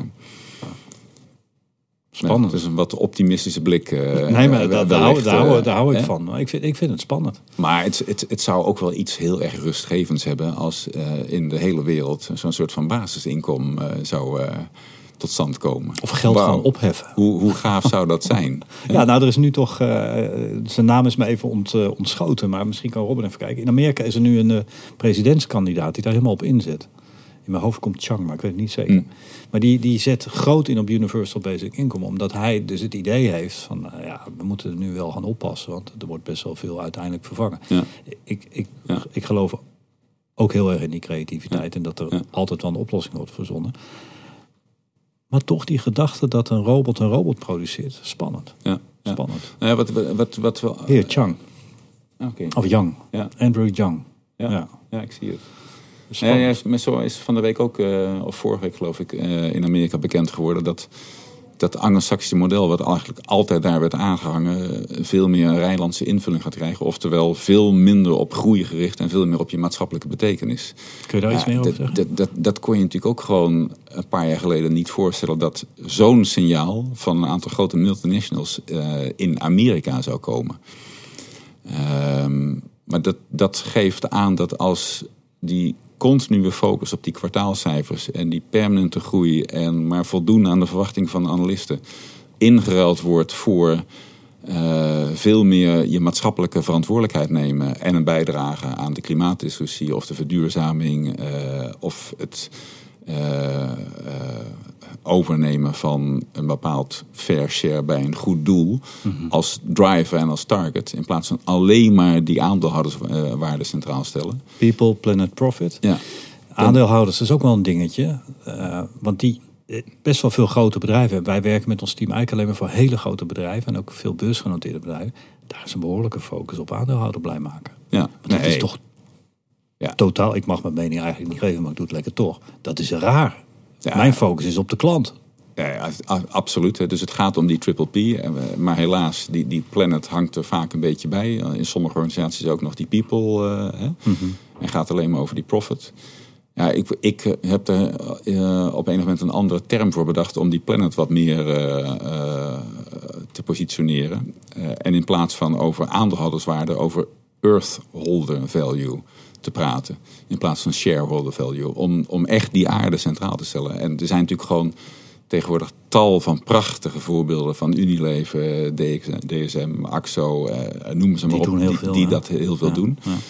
Maar eigenlijk nog te weinig. En het zou gewoon business as usual moeten zijn. Dat ieder zichzelf respecterend bedrijf, groot of klein, een x-gedeelte van de winst eh, in het teken van eh, een bijdrage aan de maatschappij eh, zet. Ehm, nou ja, Kan dat? Kan dat? ja, ja het, is, het is gewoon een kwestie van, van mindset. Het is, dus van de leiding van, eh, van de organisaties. Eh, tot hier en niet verder. Nu gaan we het zo ja, dus, dus we, romen 5 of 10 procent van de winst af die anders naar de aandeelhouders gaat. Of naar partners of whatever. Hè. Eh, die gaat gewoon naar. nou, en ik weet zeker, dat trekt alleen maar jonge mensen aan. Ja, die vinden dat veel. Die vinden dat natuurlijk gewoon fantastisch om daar te Volgende, werken. volgende week nemen wij een, een eh, volgende podcast op. En die heet het Gen X Forum. En daar hebben we allemaal Gen X'ers zitten. Ja. En die hoef je dit niet uit te leggen. Nee. Die vindt ons Ja. raar. Die vinden ons raar. Ja, en moet je eens nagaan wat dat ook weer voor een nieuwe vorm van werkgelegenheid biedt. hè? Want dat is toch meer een soort van vrijwilligerswerk dan. eh, eh, en en Ja, dus, dat, eh, hoe, zie, hoe zie je dat? De, ga, eh, denk eens na over de toekomst. Nou, ik, ik, ik, denk eh, dat, dat die zingevingskant van werk, waar ik eh, eigenlijk ook een beetje te laat eh, op mijn 55ste ben achtergekomen eh, door de overstap naar het Rode Kruis. Eh, en daarvoor had ik vooral zingeving in grote mooie projecten en eh, ontwikkeling van jezelf, eh, maar, maar ook de klant gewoon goed helpen. Maar ik, maar ik denk dat dat veel meer een leidmotief gaat worden van elke organisatie. eh, eh, ook voor het behoud van je medewerkers. Eh, en dat als dat nou met een aantal van die goede voorbeelden nog veel breder wordt doorgevoerd, ja, dan, dan worden we ook gewoon een leukere maatschappij. Eh, en dat biedt zo'n perspectief voor, voor jongere mensen, maar ook weer voor oudere mensen om zich daaraan op te trekken. Eh, ja, eigenlijk zou dat eh, bij wijze van spreken eh, in de cao's moeten gaan staan. Hè. Vroeger had het allemaal over arbeidsduurverkorting. Ja. Maar, maar, maar, maar waarom worden hier gewoon geen keiharde afspraken over gemaakt? Net zoals over dat leren en dat ontwikkelen. Dat zijn eigenlijk veel meer de, de elementen waar het om gaat in de toekomst. Anders krijg je je personeel waarschijnlijk niet eens meer. Nee, nee. Die, zeker die jonge generatie vindt dat super belangrijk. Ja. Ja. En ik denk onderaan de streep dat we anders ook de, de wereld naar de verdoemenis helpen. Ja, ja. Ik heb heel veel verschillende schattingen gehoord. Maar NASA kwam laatst met, eh, we hebben nog 40 jaar als we zo doorgaan. Oh ja. lekker, worden we blij lekker, van. lekker optimistisch. ja. We hebben nog 40 jaar, als, als we niet veranderen. Ja. Ja. Maar het is een mooie generatie, die, eh, die nieuwe generatie. Ja, ja het, is- is echt. Het is, het is wel weer grappig. eh, nog ga ik iemand een veer geven. eh, met dat klusje wat ik gedaan heb, waar we het net over hadden. Dus ik zet dat allemaal, al die interviews, in zo'n traditionele recht toe recht aan PowerPoint. 80 van die PowerPoints. En, en dan kom ik met een jonge iemand aan aanraking. En ik leg uit wat allemaal de bedoeling is. Nou, het heeft enige tijd gekost voordat eh, dat helemaal duidelijk was. Maar dan snapt ze dat zo goed. En dan maken ze dat in een eigentijdse PowerPoint met plaatjes en voorbeelden en infographics. Ja, ja. Ja, dat je echt denkt van, eh, dat, kunnen, dat kunnen zij ook echt alleen maar. En je hoeft dan nog maar één gil te geven en tjaka, het, het staat er. Eh, en in die zin is het zo leuk om met, eh, met jonge gasten te schakelen. Dat, dat is, de- de- degene die dat in Nederland trouwens echt heel erg goed doet, is prinses. Hè? Met, met Zeker. de Ja. raad voor, Ja, voor, kin- voor kinderen. Ja, ja. Ik heb een keer in zo'n sessie gezeten met, met vluchtelingenhulp. Nou ja, de, de, de, de, de leuke naïviteit, maar ook de spitsvondigheid eh, en baanbrekende nieuwe ideeën en concepten die dan Even- ontstaan. Even goed uitleggen. Ja. Zij faciliteert dan bijna, eh, en is daar een soort ambassa- ambassadrice voor. Zij faciliteert dan dat er echt kids Ja, in een bedrijf gaan. ja, En die zijn een, een forum of een, een, een, ja, eh, een soort van raad van advies. een raad van advies. Ja. Dat is toch Ja, fantastisch. Ja, super. En die komen vaak met goede ideeën. Ja, en eh, heel wat organisaties heeft ze nu ook zo'n raad van advies voor elkaar eh, ge- Mhm. gebokst. Ja, dat, dat, is, dat is gewoon. eh, echt, echt prikkelend en grensverleggend. Nou, even terug naar, naar die stap die jij hebt genomen om dan uit de gouden kooi te gaan. Het idee is dan ook dat je achteruit gaat in salaris. Ja, ja. En, en dat weer gelinkt aan waar we het de laatste tien minuutjes Ja. of een kwartiertje over hebben. Dat, dat is voor heel veel mensen niet meer te doen. Omdat de levensstijl mee is gegroeid. Maar voor een hoop mensen is dat gewoon een no-go. ja, ja. ja nee, Dat is wel een bijzondere keuze. Hè? Ja. Nou, ik, ik werd daar natuurlijk ook helemaal lek op gevraagd in al die interviews met het Rode Kruis. Eh, eh, eh, Die begrepen oh, dat wellicht niet. Nou ja, maar, na- maar na mijn uitleg iets beter. Mhm. Het is sowieso het, het meest besproken item op mijn website van het Rode Kruis. Het salaris van de directeur van het Rode Kruis. Mhm. 135.000 eh, euro. Eh, wat natuurlijk een, een heel respectabel salaris is en eh, drie keer modaal. Dus je zult maar één keer modaal hebben. Ja, ik snap dus ook gewoon al die commotie eh, daarover. Dus daar werd ik ook meteen over aan de tand gevoeld. En eh, nou, toen zei ik van, eh, nou ja, niet om het een of het ander, maar in een vorig leven eh, heb ik vijf keer meer verdiend. En maak je dus een enorme stap terug. En het gaat, eh, wat mij betreft, veel meer over het emotionele inkomen wat ik bij deze baan heb. Dus kunnen we het misschien daarover hebben. Daar had ik meteen alle discussies kort gesloten. En volle Eh, aandacht. En overigens vroeger in mijn EY-tijd zat ik altijd mijn groep te pesten van... jongens, het gaat om emotioneel inkomen hè, als er onvoldoende bonussen waren. En nu kon ik hem eh, heel handig omdraaien. Maar, maar ik meen het ook echt. Hè. het voelt toch veel beter? Het, het voelde ook zo goed om dat Ja. eh, te mogen doen. Dus ik, eh, ja, en dan heb ik natuurlijk wel het voordeel gehad... dat ik in de loop der tijd aardig wat heb kunnen opbouwen... en zo stappen kunnen zetten. Mhm. Maar goed, ik heb wel de stap gezet... die een hele hoop om die reden niet eh, zouden hebben gezet. Mhm. En er is zoveel meer voor teruggekomen aan die, aan die zingevingskant. Ja, dat, dat Dan zou je eigenlijk wel van de daken willen schreeuwen. hè? Ja, ja. Nou, en, en, en, en om dan die, die link nog even te leggen met, met vitaliteit. hè, eh, er zijn een aantal dingen die energie geven in je leven. Eh, wat een hele hoop mensen niet weten, dat eigenlijk de belangrijkste energiegever slaap is. Nou, Denk even aan Guantanamo Bay, hè, wat ze daar met die gevangenen doen. Die, die breken Sleep gewoon. deprivation, bedoel je dat? Ja, ja gewoon, die, die- breken ze gewoon eh, s s'nachts met lawaai. En, eh, en daardoor zijn ze gewoon helemaal van de leg eh, af. Dus eh, je weet het ook van jezelf. Heb je een Zeker. keertje eh, niet goed geslapen of te veel gezopen. Je bent zo brak als ik weet niet wat. Dus de belangrijkste energie eh, begint met slapen. Nou, dan heb je voeding, snapt ook iedereen. Bewegen, eh, snapt ook wel iedereen. Kunnen we ze stap voor stap af? Want jij Ja. weet, jij zegt het zo, maar je weet veel meer. Dus dat Ja. is interessant voor, eh, voor, voor, voor Ja. iedereen, ook voor Ja. mij. Ja. Van slapen weet ik. Ik heb heel veel dingen gehoord. Zijn altijd mensen zeggen, ja, ik heb wel een vier uur genoeg. En sommigen zeggen, lang slapen. Maar Ja. zeven uur is wel, Ja, zeven tot acht uur is Ja. wel redelijk wetenschappelijk bewezen over de aardkloot. En dat is goede slaap dus, als je zeven, acht uur pakt. Ja, want, want dan pak je die vier cycli die eh, tijdens je slaappatronen gaan ontstaan. Eh, Is dat met rapid eye movement? Het, het, en, het, het zijn eigenlijk vier slaapwagons. Van een stel je gewoon een trein voor. En, Mhm. en deel die op in wat grotere en wat kleinere compartimenten die energie geven.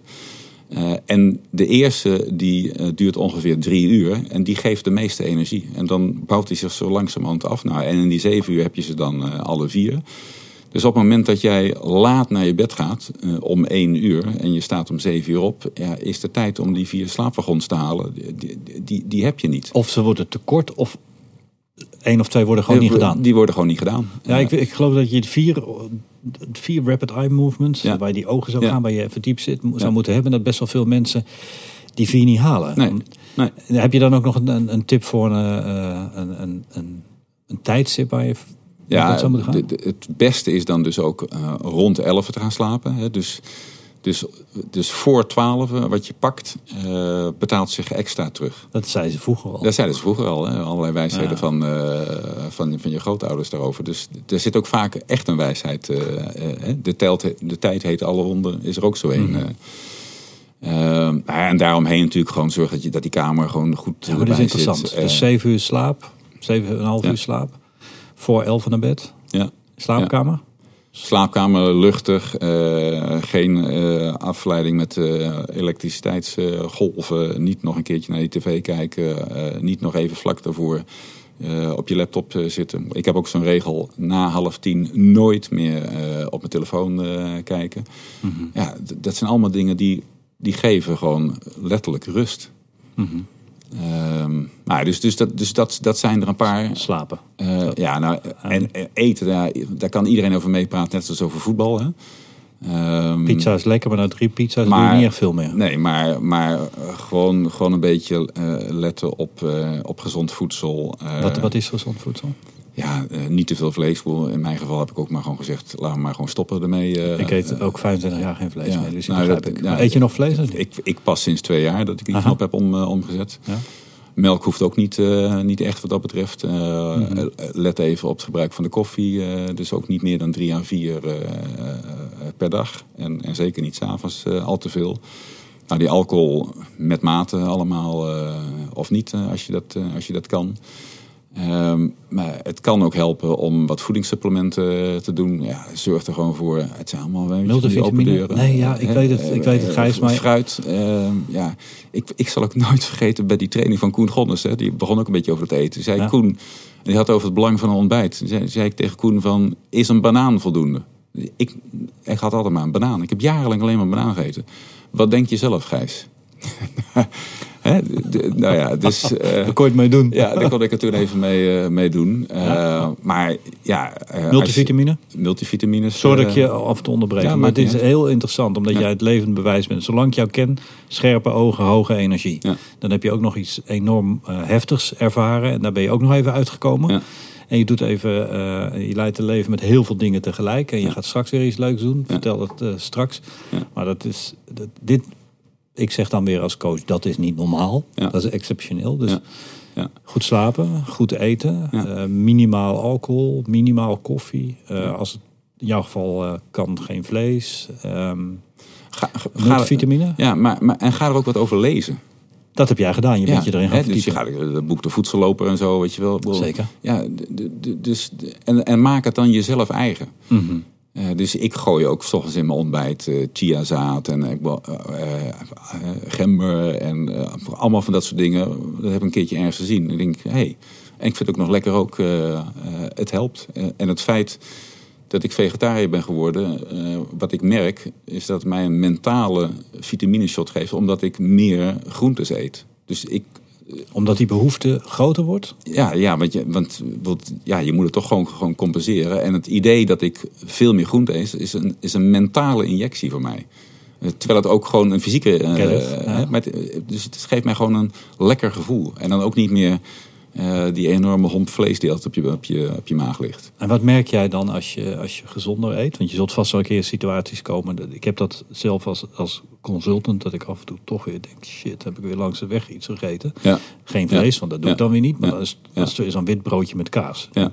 ja nou, no, en, eh, ja, dat doe ik al jaar. Dus bruin brood en zo. En volkoren Ja. dingen. Ja, maar suiker ook gewoon mee stoppen. Daar heb ik jarenlang mee geworsteld. En toch op een gegeven moment de knop omgezet. Nou ja, eh, Niet gewoon. doen we gewoon niet meer. En wat merk je dan allemaal als, als je. Ja, je zit, je, zit, je zit gewoon veel strakker en lekkerder in je vel. Je kunt Ja, maar veel je was makkelijker. toch ook succesvol? Ja, maar je, maar je kunt makkelijk ook kleunen op. eh, je, hebt, je hebt gewoon meer reserves eh, wat Ja. dat betreft. Eh, en als je dat dan combineert met, combineert met die derde, dat bewegen, die drie Mhm. uur. Nou ja, bij mij is het te veel, is meer geworden. Maar hoe moeilijk kan het nou zijn om echt een prioriteit te stellen elke week? Eh, dus toen ik bij het Rode Kruis kwam, wist ik het natuurlijk allemaal al lang. Ik had het net in gang gezet. Ik denk, nu ga ik het ook echt in mijn agenda zetten. Dus dinsdagochtend en donderdagochtend wist iedereen dat ik wat later kwam. Want ik wil 's ochtends sport hebben en niet s'avonds, want dan lig ik hijgend in mijn bed. Ook zo'n les. Hè? Dan ging ik nog hardlopen s'avonds laat en dan ging je hart nog, eh, weet ik veel, op en neer. Eh, daardoor had ik die twee. Eh, en op zaterdag ga ik al hardlopen. En op zondag ga ik fietsen. Dan heb ik mijn vier uur. Nou, inmiddels nog, nog meer dingen erbij. Maar gewoon in je agenda Maar, je, maar, je, maar, maar- Oké, maar jij doet het gewoon. Ja, Ja? En Ja. dan wordt het een, een, een habit. Ja. En dan is het niet meer een moedje, maar dan wil je waarschijnlijk. ja. En wat voor sport doe je?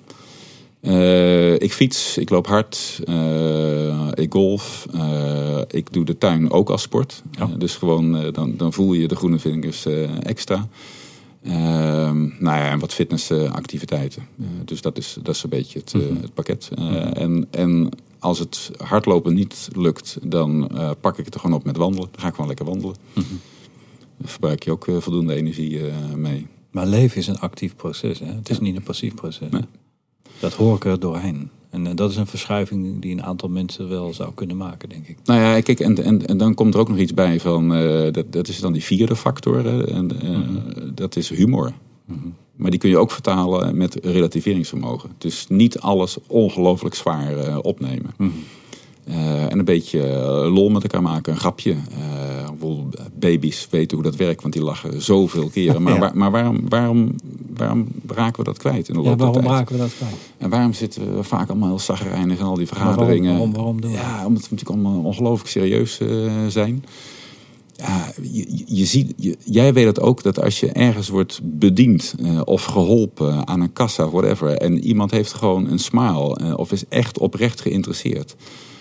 Eh, wij, wij hadden op onze vakantie in de laatste hut waar we waren, zo'n dienstbaar ingestelde vent. Ja, je- Daar word je toch blij van. daar word je er gewoon echt blij van. Ja, dan ben je alleen maar weer En, hetzelfde. doen. in- maar dat zeg ik dan ook tegen dat soort mensen. Ja. Dus, dus ik geef ze ook eventjes dat extra complimentje.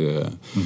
En maar je wordt er gewoon zelf blij van. Ehm, Dus, dus, ja, dus, dus gewoon een beetje lol hebben eh, is, is een hele belangrijke daarin. Mag ik nog iets vragen over het relativeren? Hoe doe je Ja. dat? Ik heb voor mezelf een soort eh, eh, visualisatie. eh, ja, dat klinkt allemaal heel heftig, maar dat is eigenlijk heel simpels. Als ik ergens te lang in zit, en ik ben van nature best wel serieus, Ja. Dan doe ik alsof ik op de maan. Of als ik iets niet snap. Ik ik mag met heel veel slimme mensen werken. Soms snap ik het niet. Wat gebeurt hier? Het kan niet heel anders zijn. Want een bedrijf blijft een Kamer van Koophandel inschrijving. Een logootje, een aantal mensen die een product of dienst doet. Wat gebeurt hier? Dan ga ik virtueel op een stoel zitten op de maan. En dan zie ik daar al die lui rondrennen. En denk ik, oh mijn god, daar ben ik er een van. Waar zijn we nou? Ja. In Godesnaam. Ja. Helemaal mee bezig. En ik zit in de auto relatief. Ik ben gisteren naar een gave film geweest. eh, In de bioscoop. En dat is mijn manier. Hoe doe jij dat? Ja, wa- wat bij mij altijd helpt is als ik weer nadenk, als ik in een bepaalde shit situatie zit. eh, oh jongens, je weet gewoon over een paar weken is het een stuk minder. Dus vertrouw nou gewoon weer even op de factor tijd eh, in, in, in dat die verband. alle wonden ja, ehm, en toch wel voorbij gaat. Ja, eh, ik, ik heb ook een, ook een techniekje dat als het dan weer eh, shitachtig is, gewoon jezelf tot rust brengen en gaan mediteren. Dus gewoon extra aandacht eventjes op, het, op de innerlijke stofzuiger, zal ik En maar hoe zeggen. doe jij dat? Heb je Eh, een mantra? Ik heb een mantra, ik doe een transcendente meditatie. Ja, mooi, mooi. Dus elke gedachte die komt, die gaat vanzelf weer. Ja. En dat gecombineerd met een mantra. Ja. En sinds twee jaar doe ik dat ook gewoon weer elke dag. Ik ben er ooit mee begonnen, maar ja, drukke werk. En dan gebruik ik het vooral op stressvolle momenten in de weekenden. En nu is het gewoon weer echt elke dag klaar. En wanneer op de dag? Maakt mij niet zoveel uit. Eh, bij wijze van spreken, als ik te vroeg hier zou zijn geweest, dan ga ik gewoon zitten Ja, in de auto en dan eh, gebruik ik dat moment. eh. Is dat, is dat ook iets wat, wat, wat we nodig hebben, mediteren? Ja. Want ik weet dat we bij slaap... nou ja, breder nog, hè. Het is geloof ik Energizer 6, ontspanning. Nou, en en meditatie is daar één van, maar voor een ander kan het wandelen zijn. Nee, maar even Of- die meditatie voor de goede orde. Dus meditatie is iets anders dan diep slapen. Ja, nee, absoluut. absoluut. Eh, Dat, dat had ik, die, link had ik nooit Nee. gelegd. Die, Nee. die, die, die weet ik wel eens een paar Ja, jaar. Dus ja. je, kunt, je kunt jezelf heel veel goeds geven door te mediteren. Omdat het naast het slaap nog een andere vorm van rust is. Ja, absoluut. Ja. Ja. eh, ik vertaal hem dus eh, gewoon lekker de stofzuiger van binnen aanzetten. Gewoon, die, ruimt, die ruimt gewoon de boel op. en nou, je zakt gewoon weg en je komt weer een beetje bij. En als je het vaak doet, dan weet je gewoon, nou, na 20 minuten kom je gewoon altijd weer bij. En dan heb ik zoiets van, nou ja, oké, kunnen, we, kunnen we het weer aan.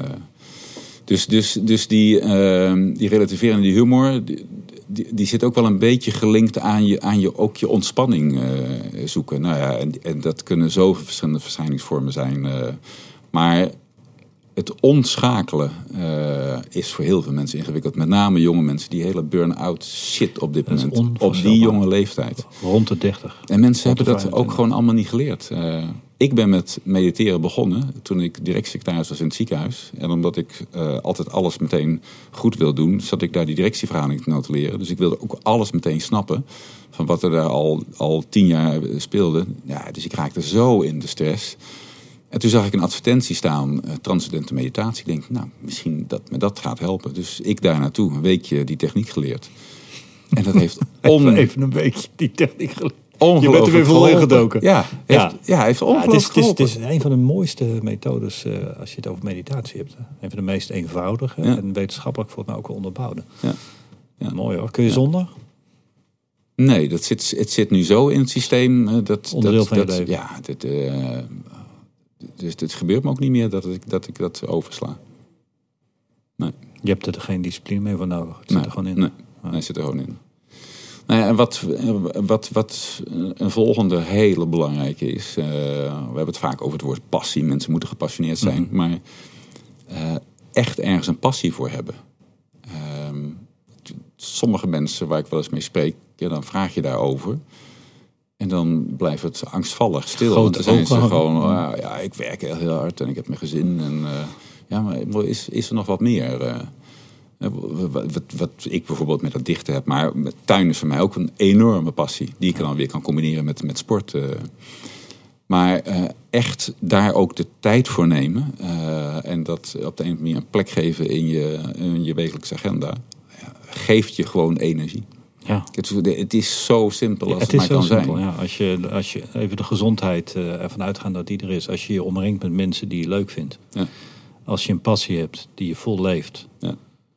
Als je van mensen houdt en ze houden van jou. Ja. En je hebt ook nog het gevoel dat je de wereld een beetje beter maakt. Ja.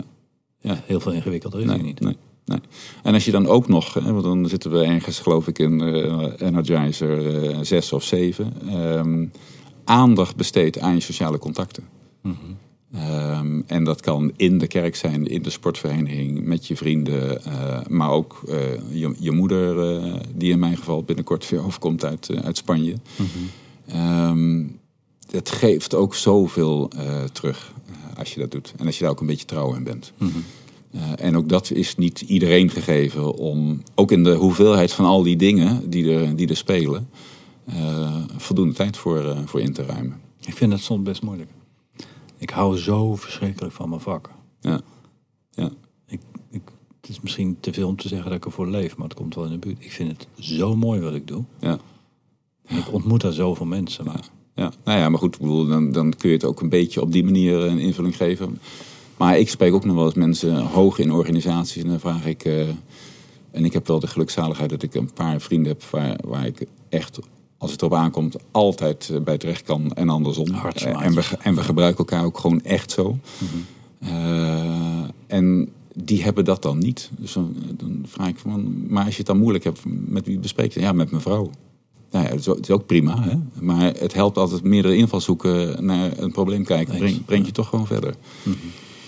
Dus, dus die is ook echt eh, heel erg relevant. Nou, dan, dan, dan komen er twee die eh, eh, met elkaar te maken hebben. Ik zeg altijd, life balance is life challenge. Dus als je het thuis lekker op orde hebt, neemt dat nog niet weg dat je ook nog gewoon flink er tegenaan kunt gaan in je werk of in je sport of wha- whatever. Dus het thuisleven en het werkleven zijn twee aparte energiegevers, want ze kunnen ook enorme lekken veroorzaken. Dus als het op je werk gewoon shit is en gedoe en gezeik, eh, ja, dan loopt het gewoon weg. Iedereen kent dat gevoel. En datzelfde geldt als er thuis dingen aan de hand zijn met je kind of met wat, je wat, vrouw. moet je dan, wat moet je dan doen? Want dit is echt super herkenbaar. Ja, ja, nou ja, wat, wat, wat- als het nou om dat thuis eh, komen gaat. Mhm. eh, ik heb een keer een training gehad van een paar van die mannen die stelden toen die vraag aan al die partners: eh, jongens, als jullie thuiskomen, ken je dan dat gevoel dat je aan tafel zit en dat je wel geïnteresseerd bent, maar toch niet echt luistert over wat er allemaal gebeurd is? Ja, zo, zo herkenbaar, want je zit nog in je, in je lijstjes. je lichaam en- is er al, de- ja. maar de geest Nee, is nog heel nee, ergens anders. nee. Ja. Maar dus, de, eh, en ik heb het zelf ook zo vaak verkeerd gedaan. eh, en eh, ik denk ook nu wel dat als ik het nu thuis vraag, dat ze zeggen: Nou, pa, dat is toch steeds een leuke podcast, pa, maar, ja, ja. Maar jezelf er ook gewoon bewust van zijn. Want door, door die vraag en door de scherpte waarmee zij hem brachten en de discussie erover in de groep. Ja, iedereen worstelde daarmee. Want we waren allemaal met die klanten alleen. Want dat was dat mantra wat gewoon in dat bedrijf zat. Anders was je ook niet partner geworden. Eh, dat gaat gewoon voor. Dus ehm, ja, daar, daar gewoon echt alert op zijn en aan gaan besteden. Eh, ja, ik, heb, ik heb dat zelf gewoon te weinig gedaan. Dus terugkijkend zou ik dat echt anders eh, Maar gaan, je kan gaan doen. nu beter. Ik kan het nu beter. En wat ik zelf wel eens doe, is dan kom ik met de auto aan en dan parkeer ik hem ergens in een woonwijk. En dan wacht ik even totdat ik chill ben. Ja, ja, en dan rijd ik, daar- en dan ik naar huis. Ja, heel goed. Als ik met mijn zoon eh, leuke dingen ga doen, dan moet ik niet in de energie komen van mijn Ja, peak performance op het werk. ja. En dan helpt het gewoon voor een half uur helemaal niks te doen. Ja. En dan mediteer ik ook. ja. Nou, en als het je dan ook nog lukt, want dan komen we bij de laatste, de tiende, uh, die eigenlijk natuurlijk de eerste is. Want ik zeg wel dat slapen is, maar zingeving uh, ervaren in datgene wat je doet. En betekenis aan anderen kunnen geven, allemaal op verschillende manieren. Uh, ja, dat is, dat is eigenlijk het belangrijkste wat er is. en, en daar heb ik wel een mooi boek ooit over gelezen van John Strelicky. The Big Five in Life. En hij komt iemand tegen in zijn leven, een ongelooflijk succesvolle ondernemer in Amerika die acht verschillende bedrijven uh, uit de grond gestampt heeft uh, en onderweg in hun kennismaking ziek wordt, uiteindelijk ook komt overlijden. En hij vertelt die ondernemer hem allemaal wat hem is overkomen. maar hij vertelt zijn verhaal en hij vraagt eigenlijk aan hem wat hem nou in het leven beweegt. En hij brengt hem ertoe om erachter te komen wat hem echt beweegt. En dat is schrijver worden. En daarom is hij dat boek gaan schrijven over hem. Uh, en op het moment dat die man komt te overlijden, uh, zijn alle werknemers, die hebben een museum voor hem ingericht met allemaal stickertjes die hij heeft achtergelaten, mooie verhalen, bijdragen. En dan wordt hij, vlak voor zijn overlijden, wordt hij rondgeleid in zijn eigen museum. Wow. Uh, nou, en de les van het boek is, denk, denk nou eens na over je eigen RVB. Ja, en toen in mijn stoem en drang uh, en grootste meeslepende periode dacht ik meteen aan raad van bestuur. Weet wel, dat, ik wil toch raad van bestuur zijn? Nee, een RVB is jouw reden van bestaan. Wow. Wat is jouw reden van bestaan? En probeer eens in één regel jouw reden van bestaan uh, uh, te formuleren. Ja, dus, dus in mijn geval is dat geworden een goed mens zijn, ertoe doen, betekenis geven aan mezelf en het leven van anderen. Wauw. Mijn is mensen helpen leren zichzelf te worden en te zijn. Nou, ja. prachtig toch? Ja. En als je dan in het verlengen ervan de Big Five for Life, dus die vijf Mhm. dieren die je gezien moet hebben op zo'n safari, maar dan jouw eigen vijf goals, als je die ook nog eens op een A4'tje zou kunnen formuleren, ja, dan, dan, dan, dan kun je wat makkelijker richting geven aan uh, datgene wat je wil bereiken of waar je naartoe wil uh, groeien. Dus dat, dat zou ik ook wel aan veel mensen over hun, uh, hun eigen toekomst willen meegeven. Dan moet er nog best wel veel gebeuren. Dan is er nog veel werk aan de winkel. Ja. ja. Er zijn heel weinig mensen die dit op orde hebben. Ja. Het geeft rust als je weet wat je moet doen. Ja. ja. En het geeft mij ook rust in de gedachte dat het bullshit is wat ik denk. Maar het voelt wel heel goed. Ja. En als ik dan terugkijk naar vroeger, dan denk ik, ja, oké, daar heb ik die lessen geleerd. Ik heb ook mijn dingen moeten leren in de familie. En later dacht ik, oh, daarom doe ik het beroep wat ik doe. Ja. Dan geeft dat ontzettend veel rust. Ja. Het is, het is ook wel een cliché, maar ik heb dat, dat filmpje gezien. Toen Steve Jobs nog eh, leefde, heeft hij zo'n mooie Stanford eh, Research Institute. Mhm. Daar heeft hij een, eh, een heel mooi verhaal verteld over, eh, bij de commencement meeting van mensen die eh, daar afstuderen. Over dat hij toen allemaal niet wist wat hij deed, maar als hij dan terugdacht, de dots kon connecten. Prachtig was dat. Ja. Ja, en uiteindelijk eh, ehm, denk ik dat, dat het heel mooi is als je die dingen aan elkaar knoopt. Dat je in de jaren die je nu aan het invullen bent, dat ook allemaal weer kan gaan inzetten en kan Ja. gaan gebruiken. Ja. Maar zonder zingeving aan de slag gaan Ja. of bezig zijn, verschrikkelijk. Ja. En als je dat te lang doet, dan krijgen mensen ook dode ogen. Ja. Ja. En kijk, en, en als ik nu naar mezelf kijk, na die prachtige Rode Kruisperiode, eh, weer loshechten en eh, op zoek naar een mandje van mooie activiteiten. En dan had ik natuurlijk al dat prachtige Erasmus eh, MC. Maar daar is bijgekomen, dat gaf ik aan het begin eh, aan, dat er een paar cirkeltjes in zitten. Ik, ik was ooit de rechterhand, nou ik moet eigenlijk zeggen, het potloodje van meneer Jansen, mijn eerste baan. Die was de baas van eh, Hero Frisdanker, maar hij was ook voorzitter van de voorloper van de Arbeunie. En ik mag 32 jaar na dato president-commissaris daarvan zijn en meneer Jans opvolgen. Ja, Dat is toch bizar? eh, en dus met mijn vitaliteitsdingetjes eh, ook bezig zijn en mezelf weer daarin scherp houden. Nou, zo, zo ben ik ook nog aan dat Minds and Health verbonden. Ehm, bij Achmea mag ik in het bestuur zitten en voorzitter zijn van een clubje die zich bezighoudt met slachtofferhulp in de zorg en in het verkeer. Nou ja, ik heb mijn broer in het verkeer verloren. Dus hoe mooi is Oh, het maakt- maar dat, ik, dat, ik, dat ik met dat soort dingen dan nu aan de slag mag. eh. en dit jaar het 25-jarige congres is we daar van alles nog wat eh, mee, mee gaan doen. En Integraal Kankercentrum. En dat Integrale Kankercentrum. eh, een, een jaar geleden gebeld door mijn behandelend specialist... die daar directeur-bestuurder is. 70 jaar, dit jaar gaat afzwaaien. En dan mag ik hem als patiënt, maar ook als voorzitter. Ja, hoe, hoe mooi kan zijn. Dus uh, dat verhaal heb ik al klaar uh, voor hem. ja. Nou ja, en, en uh, daarnaast ben ik verbonden aan Next Generation Leaders. een bekende headhunter, Berjan Gunel. goed op het gebied van diversiteit. Maar ze heeft ook een coachingnetwerk.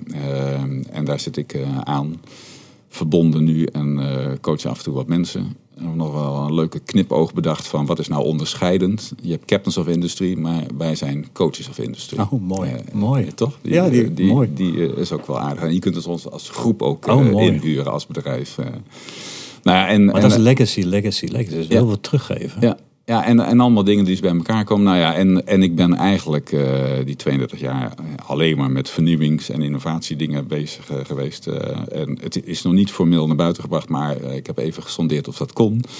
Maar ik word ook voorzitter van de Raad van Toezicht van TNO. Nou ja, en... Gijs. Is, en ik sloot af in het sollicitatiegesprek toen. heeft u nog wat te vragen? Ik dacht, nou, het is nog twee minuten tijd. Heeft geen enkele zin om nog een vraag te stellen. Dus ik wil eigenlijk één statement maken. Ehm, ik heb veel vragen, maar die komen nog wel in het vervolg. Maar ik heb eigenlijk maar één ding. Dit is mijn innovatiedroom. Ja, want je, nou je zit right in de middle. Ja, en, en, en ja, dan mag ik me er gewoon de komende tien jaar, tenminste als ik nog een keer word benoemd voor de tweede vijf jaar, met alle innovatiebewegingen in Nederland bezig Van BV Nederland. Ja, dit is toch gewoon... Uh, toch helemaal geweldig. Dus, dus, dus, tegenover jou zit er wel een, een tamelijk blij en gelukkig uh, mens. Uh, ja. wat, wat, ga, wat ga je daar doen? Nou ja, het, het, belangrijkste, er zit natuurlijk hè, bij, bij, elke toezichthoudende rol zit er eigenlijk gewoon drie facetten aan. Je bent de werkgever van de raad van bestuur, dus je moet beoordelingsgesprekken voeren, kijken of ze het goed gedaan hebben, opvolgingsproblematiek regelen. Uh, je bent klankbord, dus zo goed mogelijk kunnen helpen in de zoektocht van die organisatie. En er liggen een aantal formele bevoegdheden van goedkeuringen van jaarrekeningen, begrotingen, mhm. beleidsplannen, grote reorganisatie, et cetera. Maar wat ga je ehm, doen voor Nederland?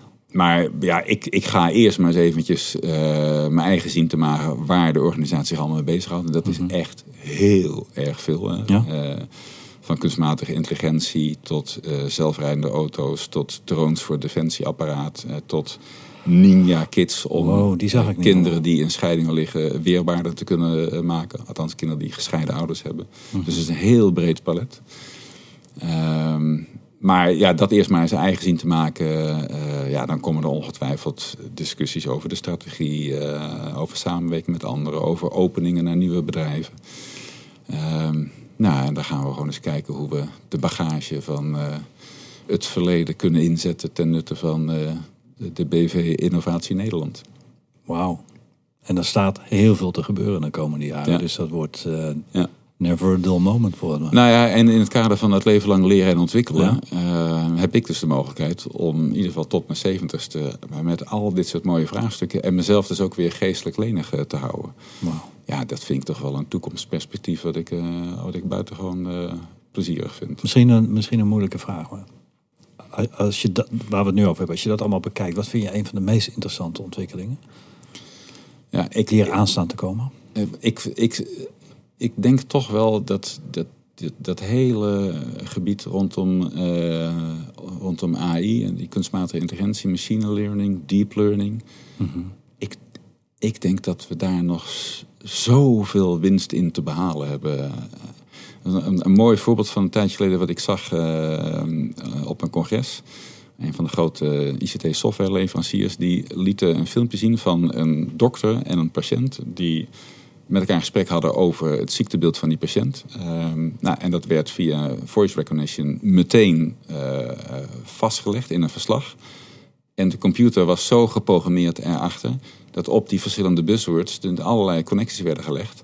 Dat was gewoon een hele slimme computer en programma erachter. En de diagnose en de behandeling meteen uit de computer. Wow. Ja, dat is dan maar zo'n voorbeeld dat je denkt van... wat gaat er allemaal nog meer gebeuren? Uh, en, en, en als je terugfilmt naar hoe wij zelf vroeger...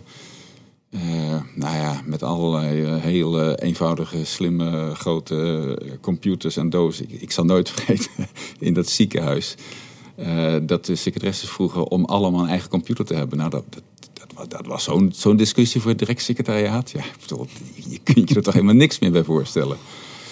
Eh, wat er dan eh, een enorme ontwikkeling heeft plaatsgevonden in de afgelopen jaar. En dus nog gaat plaatsvinden. Ja, dit, dit schijnt nog niks te zijn. Je hebt de wet van Moore, die, die eh, verdubbeling van computerpower Ja. geloof ik elk Ja. jaar.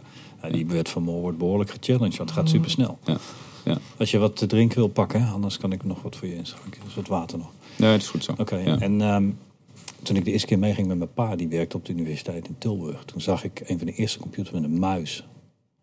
Ik weet niet eens meer hoe het heette, maar dat waren ruimtes die helemaal vol stonden. En uiteindelijk konden die computers helemaal niks. Vergeleken bij eh, jaren later dat ik zo'n eh, een horloge mocht kopen op de middelbare school met een rekenmachientje ingebouwd. Ja. En nu hebben we hier een computer die, eh, die kan eh, jouw gezicht en mijn gezicht zodanig uitrekenen.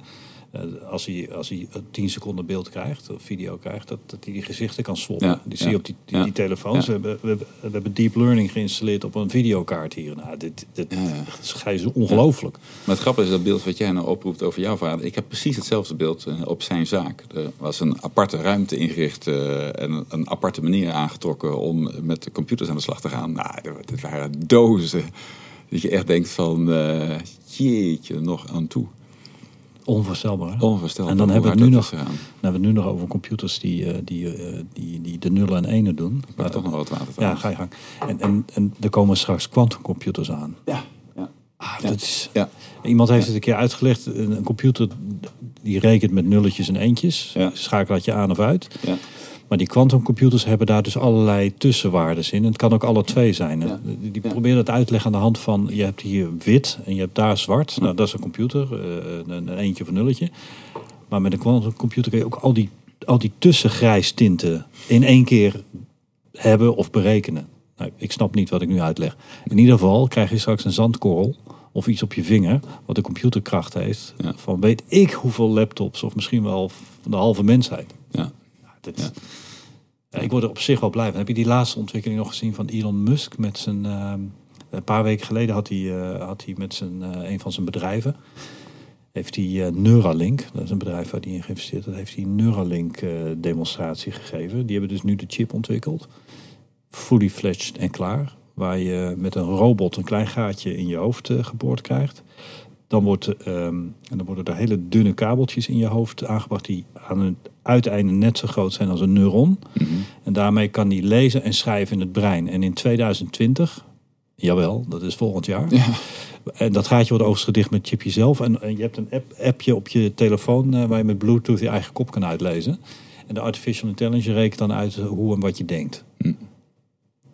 Maar dan hebben we het bijna over. eh, en, en dan hebben we het eigenlijk bijna over eh, de- dat de mens gekoppeld is aan de cloud. Nou, dat is natuurlijk hartstikke fijn, omdat je dan heel veel weet. Nu moet je nog met je vingers dingetjes intikken. En dan maak je typfouten. En je vingers zijn net zo snel, nooit zo snel als dat je denkt. Ja. Dus wat echt de beperkende factor bij, de, bij computers is, is, is eigenlijk zijn je vingers. Ja.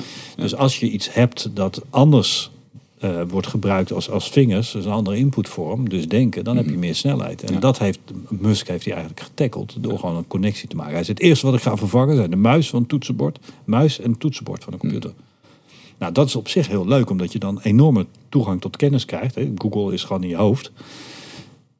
Zit er daar ook gevaar aan? Ja, eh, d- dat was het eerste wat in me opkwam. Dat Misschien kan Robin even een Neuralink opzetten zonder dingen worden natuurlijk zo voorspelbaar gemaakt die je eigenlijk misschien niet wil weten. Ik wil, zometeen hebben natuurlijk ook eh, allemaal die slimme wc waar je op gaat zitten. Eh, en ja, je doet je behoefte en dat wordt allemaal geanalyseerd. En dan hoor je eigenlijk wat er met je aan de hand is. En dat kan in een aantal gevallen ook gewoon verdomd vervelend zijn. Daar hebben we nu bevolkingsonderzoeken voor. Hè? Verdomd, zou en en ik, ik kwam op vakantie, kwam ik eh, een, eh, een specialist eh, van het ziekenhuis waar ik bij betrokken ben tegen.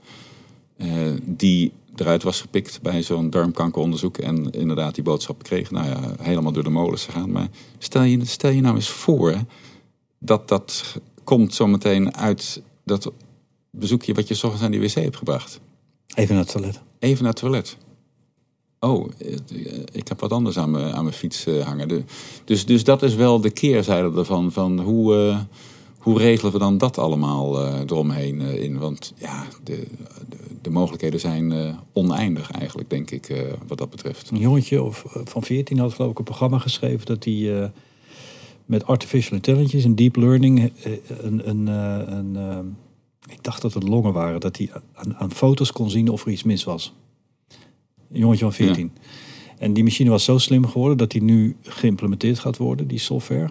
Eh, zodat je eh, eigenlijk niet meer mensen no- nodig hebt die met hun ogen kijken of er cellen zijn die, die, die kwaadaardig zijn. Maar dat kan die computer zien. En als je daar verder op doorredeneert en wat een Apple Watch allemaal kan, dan kom je bijna bij predictive Ja. Ja. health. En dan kom je dus eigenlijk bij vraag, zou je straks nog artsen nodig hebben? Altijd. Daar ben, ik echt heilig van overtuigd eh, dat ehm, de, de, de, de deskundigheid ervan. En het hangt ook wel weer even van de soort van aandoening af. Hè. De, eh, dus, dus je blijft altijd die academische centra hebben en de topklinische ziekenhuizen en de middelgrote ziekenhuizen en de rest van de zorg daaromheen. Ehm, het, het, het, het zal wel een extra eis ook aan die artsen stellen eh, om nog beter bij te blijven, om veel minder defensief te zijn ten opzichte van die patiënten die al alle de- dingen hebben uitgezocht. Maar jij haalt gewoon nooit in van wat zij aan hun opleiding allemaal hebben meegekregen. En omdat zij ook een leven lang leren eh, en aan het ontwikkelen zijn, bijblijven op een vakgebied. Continu. En zich steeds verder gaan, gaan specialiseren. En op een heel klein gebiedje nog veel meer weten en kunnen overzien wat er aan de hand is. Dat- en het holistisch kunnen aanpakken. en het op die manier eh, eh, kunnen, kunnen overzien. Eh, maar die ontwikkelingen die gaan, die gaan echt razendsnel op, het- op het gebied van de, van de kankerzorg. Dat is wel bijzonder. Ik heb nu met een paar van die hoogleraren gesproken vanwege die functie die ik heb. Eh, En die zeiden, ja, 40 jaar geleden toen ik daarin begon, in dat vakgebied, werd ik een beetje uitgelachen. Want toen telde dat niet echt mee, de oncologie. Ja, want dat was wel gewoon inwendige geneeskunde en de chirurgie. eh, stond gewoon eigenlijk helemaal zijn kinderschoenen. Ja, het is nu een van de meest gecompliceerde eh, medische vakgebieden die er is. Met zoveel vergaande specialisaties daarin. Maar dan praten we over een periode van 40 jaar. hè, ongelooflijk. Hoe hard het is gegaan. Ja.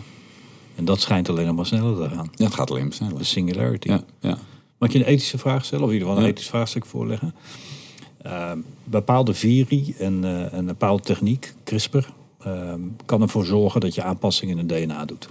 Kunnen op echt genspecifieke aanpassingen doen.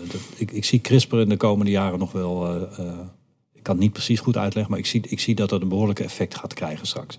Anyway, het punt is meer: we kunnen DNA uitlezen. We kunnen geen, steeds beter de genen zelf uitlezen. En we kunnen steeds beter de genen aan of uitzetten. Zullen niet actief zijn. Hè? Maar we kunnen ook met dat CRISPR kunnen we een virus inbrengen en dat actief maken. En dan kan het ook daadwerkelijk een genenreeks eh, aanpassen. Als je al die dingen bij elkaar optelt, kan het dus zo zijn met predictive health dat je op een situatie gaat komen dat je je DNA afstaat en dat daar dus um, uit voortkomt dat als jij kinderen gaat krijgen, dat uh, uh, als jij niet je DNA laat aanpassen, die kinderen ziek gaan worden, dus uiteindelijk je verzekeringspremie nu maar omhoog gaat, of je misschien ooit wel een verbod gaat krijgen hmm. op kinderen. In China is dat heel voorzichtig al ja. zich aan het ja. ontwikkelen. Ja. Maar als je eigenlijk alles weet over het DNA en je hebt de keuze en de kans om het te verbeteren, DNA, zou je dan ooit strafbaar zijn als je het niet verbetert? Ja, daar, dat, daar, daar, lig ik niet wakker van, maar dat is nee, wel, dat is wel heftig. Dat, dat, is, dat is wel een enorme gewetensvraag uh, in, de, in, de, in de toekomst. Hè? Want nu zijn, zijn dit soort vragen in ziekenhuizen vooral voorbehouden aan ethische commissies. Hè? Mm -hmm. Waar al die afwegingen plaatsvinden. En mm -hmm. mensen met een verschillende discipline dan uh, de verschillende kanten van zo'n casus uh, bekijken. Maar wat jij aangeeft is dat het veel meer bon ton gaat worden. En dat probeer ik eigenlijk zeggen, ja. voor iedereen dichtbij gaat komen wat ja. dat betreft. Hè? Ja, ja. Uh, het wordt standaard en als je daar niet aan, aan gaat houden.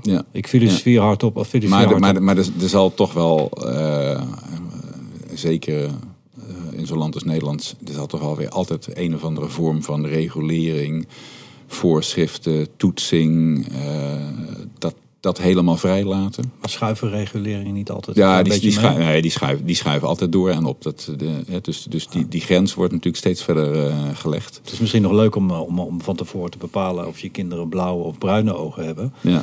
Maar dat is dan nog redelijk ongevaarlijk. Maar ja. Ja. Je kan heel ver gaan. Ik vind het, ik, ik vind het super interessant. Hoe, hoe, hoe, Ja. hoe was het bij jou eh, toen je kinderen kreeg? Wilde je weten van tevoren of het een jongetje of een meisje was? Dat was voor mij geen issue. Dus ik, toen we het wisten, wisten we het. Ja. Dat maakte mij niet zo uit. Nee. Dat, is een, dat is een mooie vraag. Ja, maar dat is, dat, dat, daar begint het al. Daar begint het al, toch? Ik bedoel, dat, is een, Ja, dat is een hele basale vraag. Ja. Ja. Maar, maar als, ja, gaat, gaat het verder? Ja.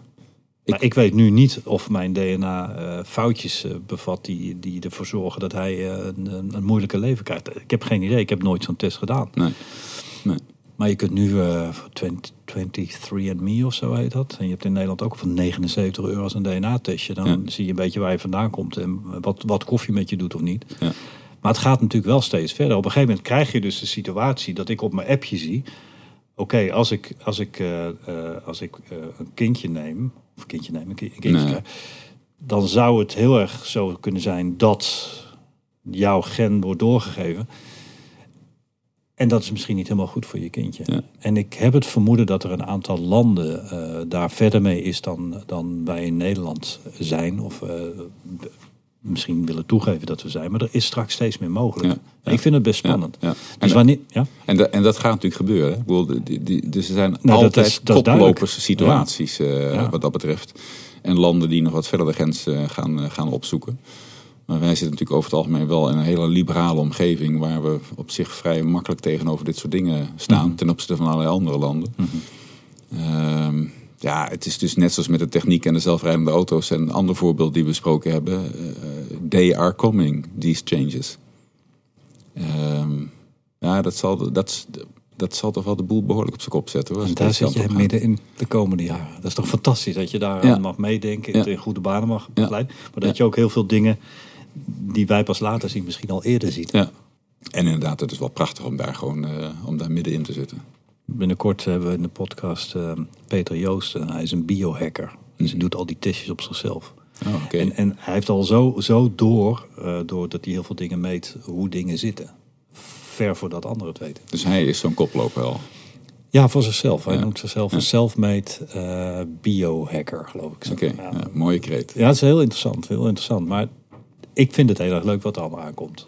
Maar het is ook soms best wel spannend, omdat Ja. je niet alles kan overzien. En, en ik denk, eh, misschien is het oude lullen praat, maar ik denk wel dat de ontwikkelingen vele malen sneller gaan dan. eh, ja. En dan zou er niet een punt komen dat het snel gaat voor, voor ons als mens?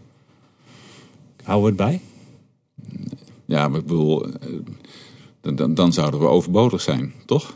Als, als we dat niet meer Zijn wij niet gewoon een experiment van, als we van dat, een buitenaards ja, als we dat niet meer kunnen bijhouden, dan, eh, dan, dan gaat het niet goed. Nee, ik, eh, er- zijn altijd van dat soort figuren in de wetenschap of zo'n zo'n vent als Elon Musk eh, die, die inderdaad die beweging in gang zetten. Ja, ja, ja, ja, dus En dan, dan, dan krijg je je ethische vraagstukken. En waar wij nu zitten in Nederland wordt dat denk ik wel ja.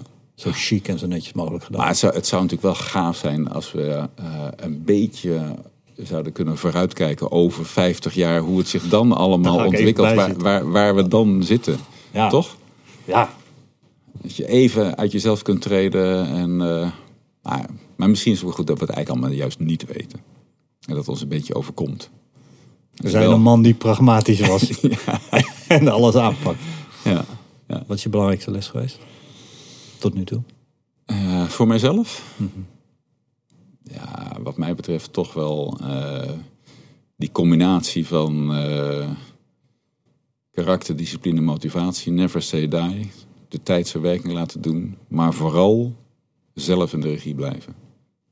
Toen ik bij Capgemini kwam, lag er zo'n mooie HR-brochure met allemaal prachtig uitgewerkte dingen. Drie keer beter, wat zeg ik, tien keer beter dan wat we toen allemaal bij Ernst Young hadden. En daar stond op, be the master of your own destiny. Nou, ik denk dat ik dat redelijk zelf eh, heb vormgegeven. Maar dat zou ik ook echt aan iedereen willen meegeven. Eh, zorg ervoor, wat er ook gebeurt, dat je zelf in de lead eh, blijft. In, in voor- en in tegenspoed. Hè. Want in allebei de gevallen, als je die voorsprong hebt... en als je zelf eh, de richting weet via jouw reden van bestaan... en jouw Big Five for Life... eh, en die energiegevers een beetje onder controle hebt en goed in balans... Ja, dan kun je gewoon zoveel meer dingen aan dan dat je het allemaal een beetje jou laat overkomen. Be the master of your own destiny, zo leef je. Hè?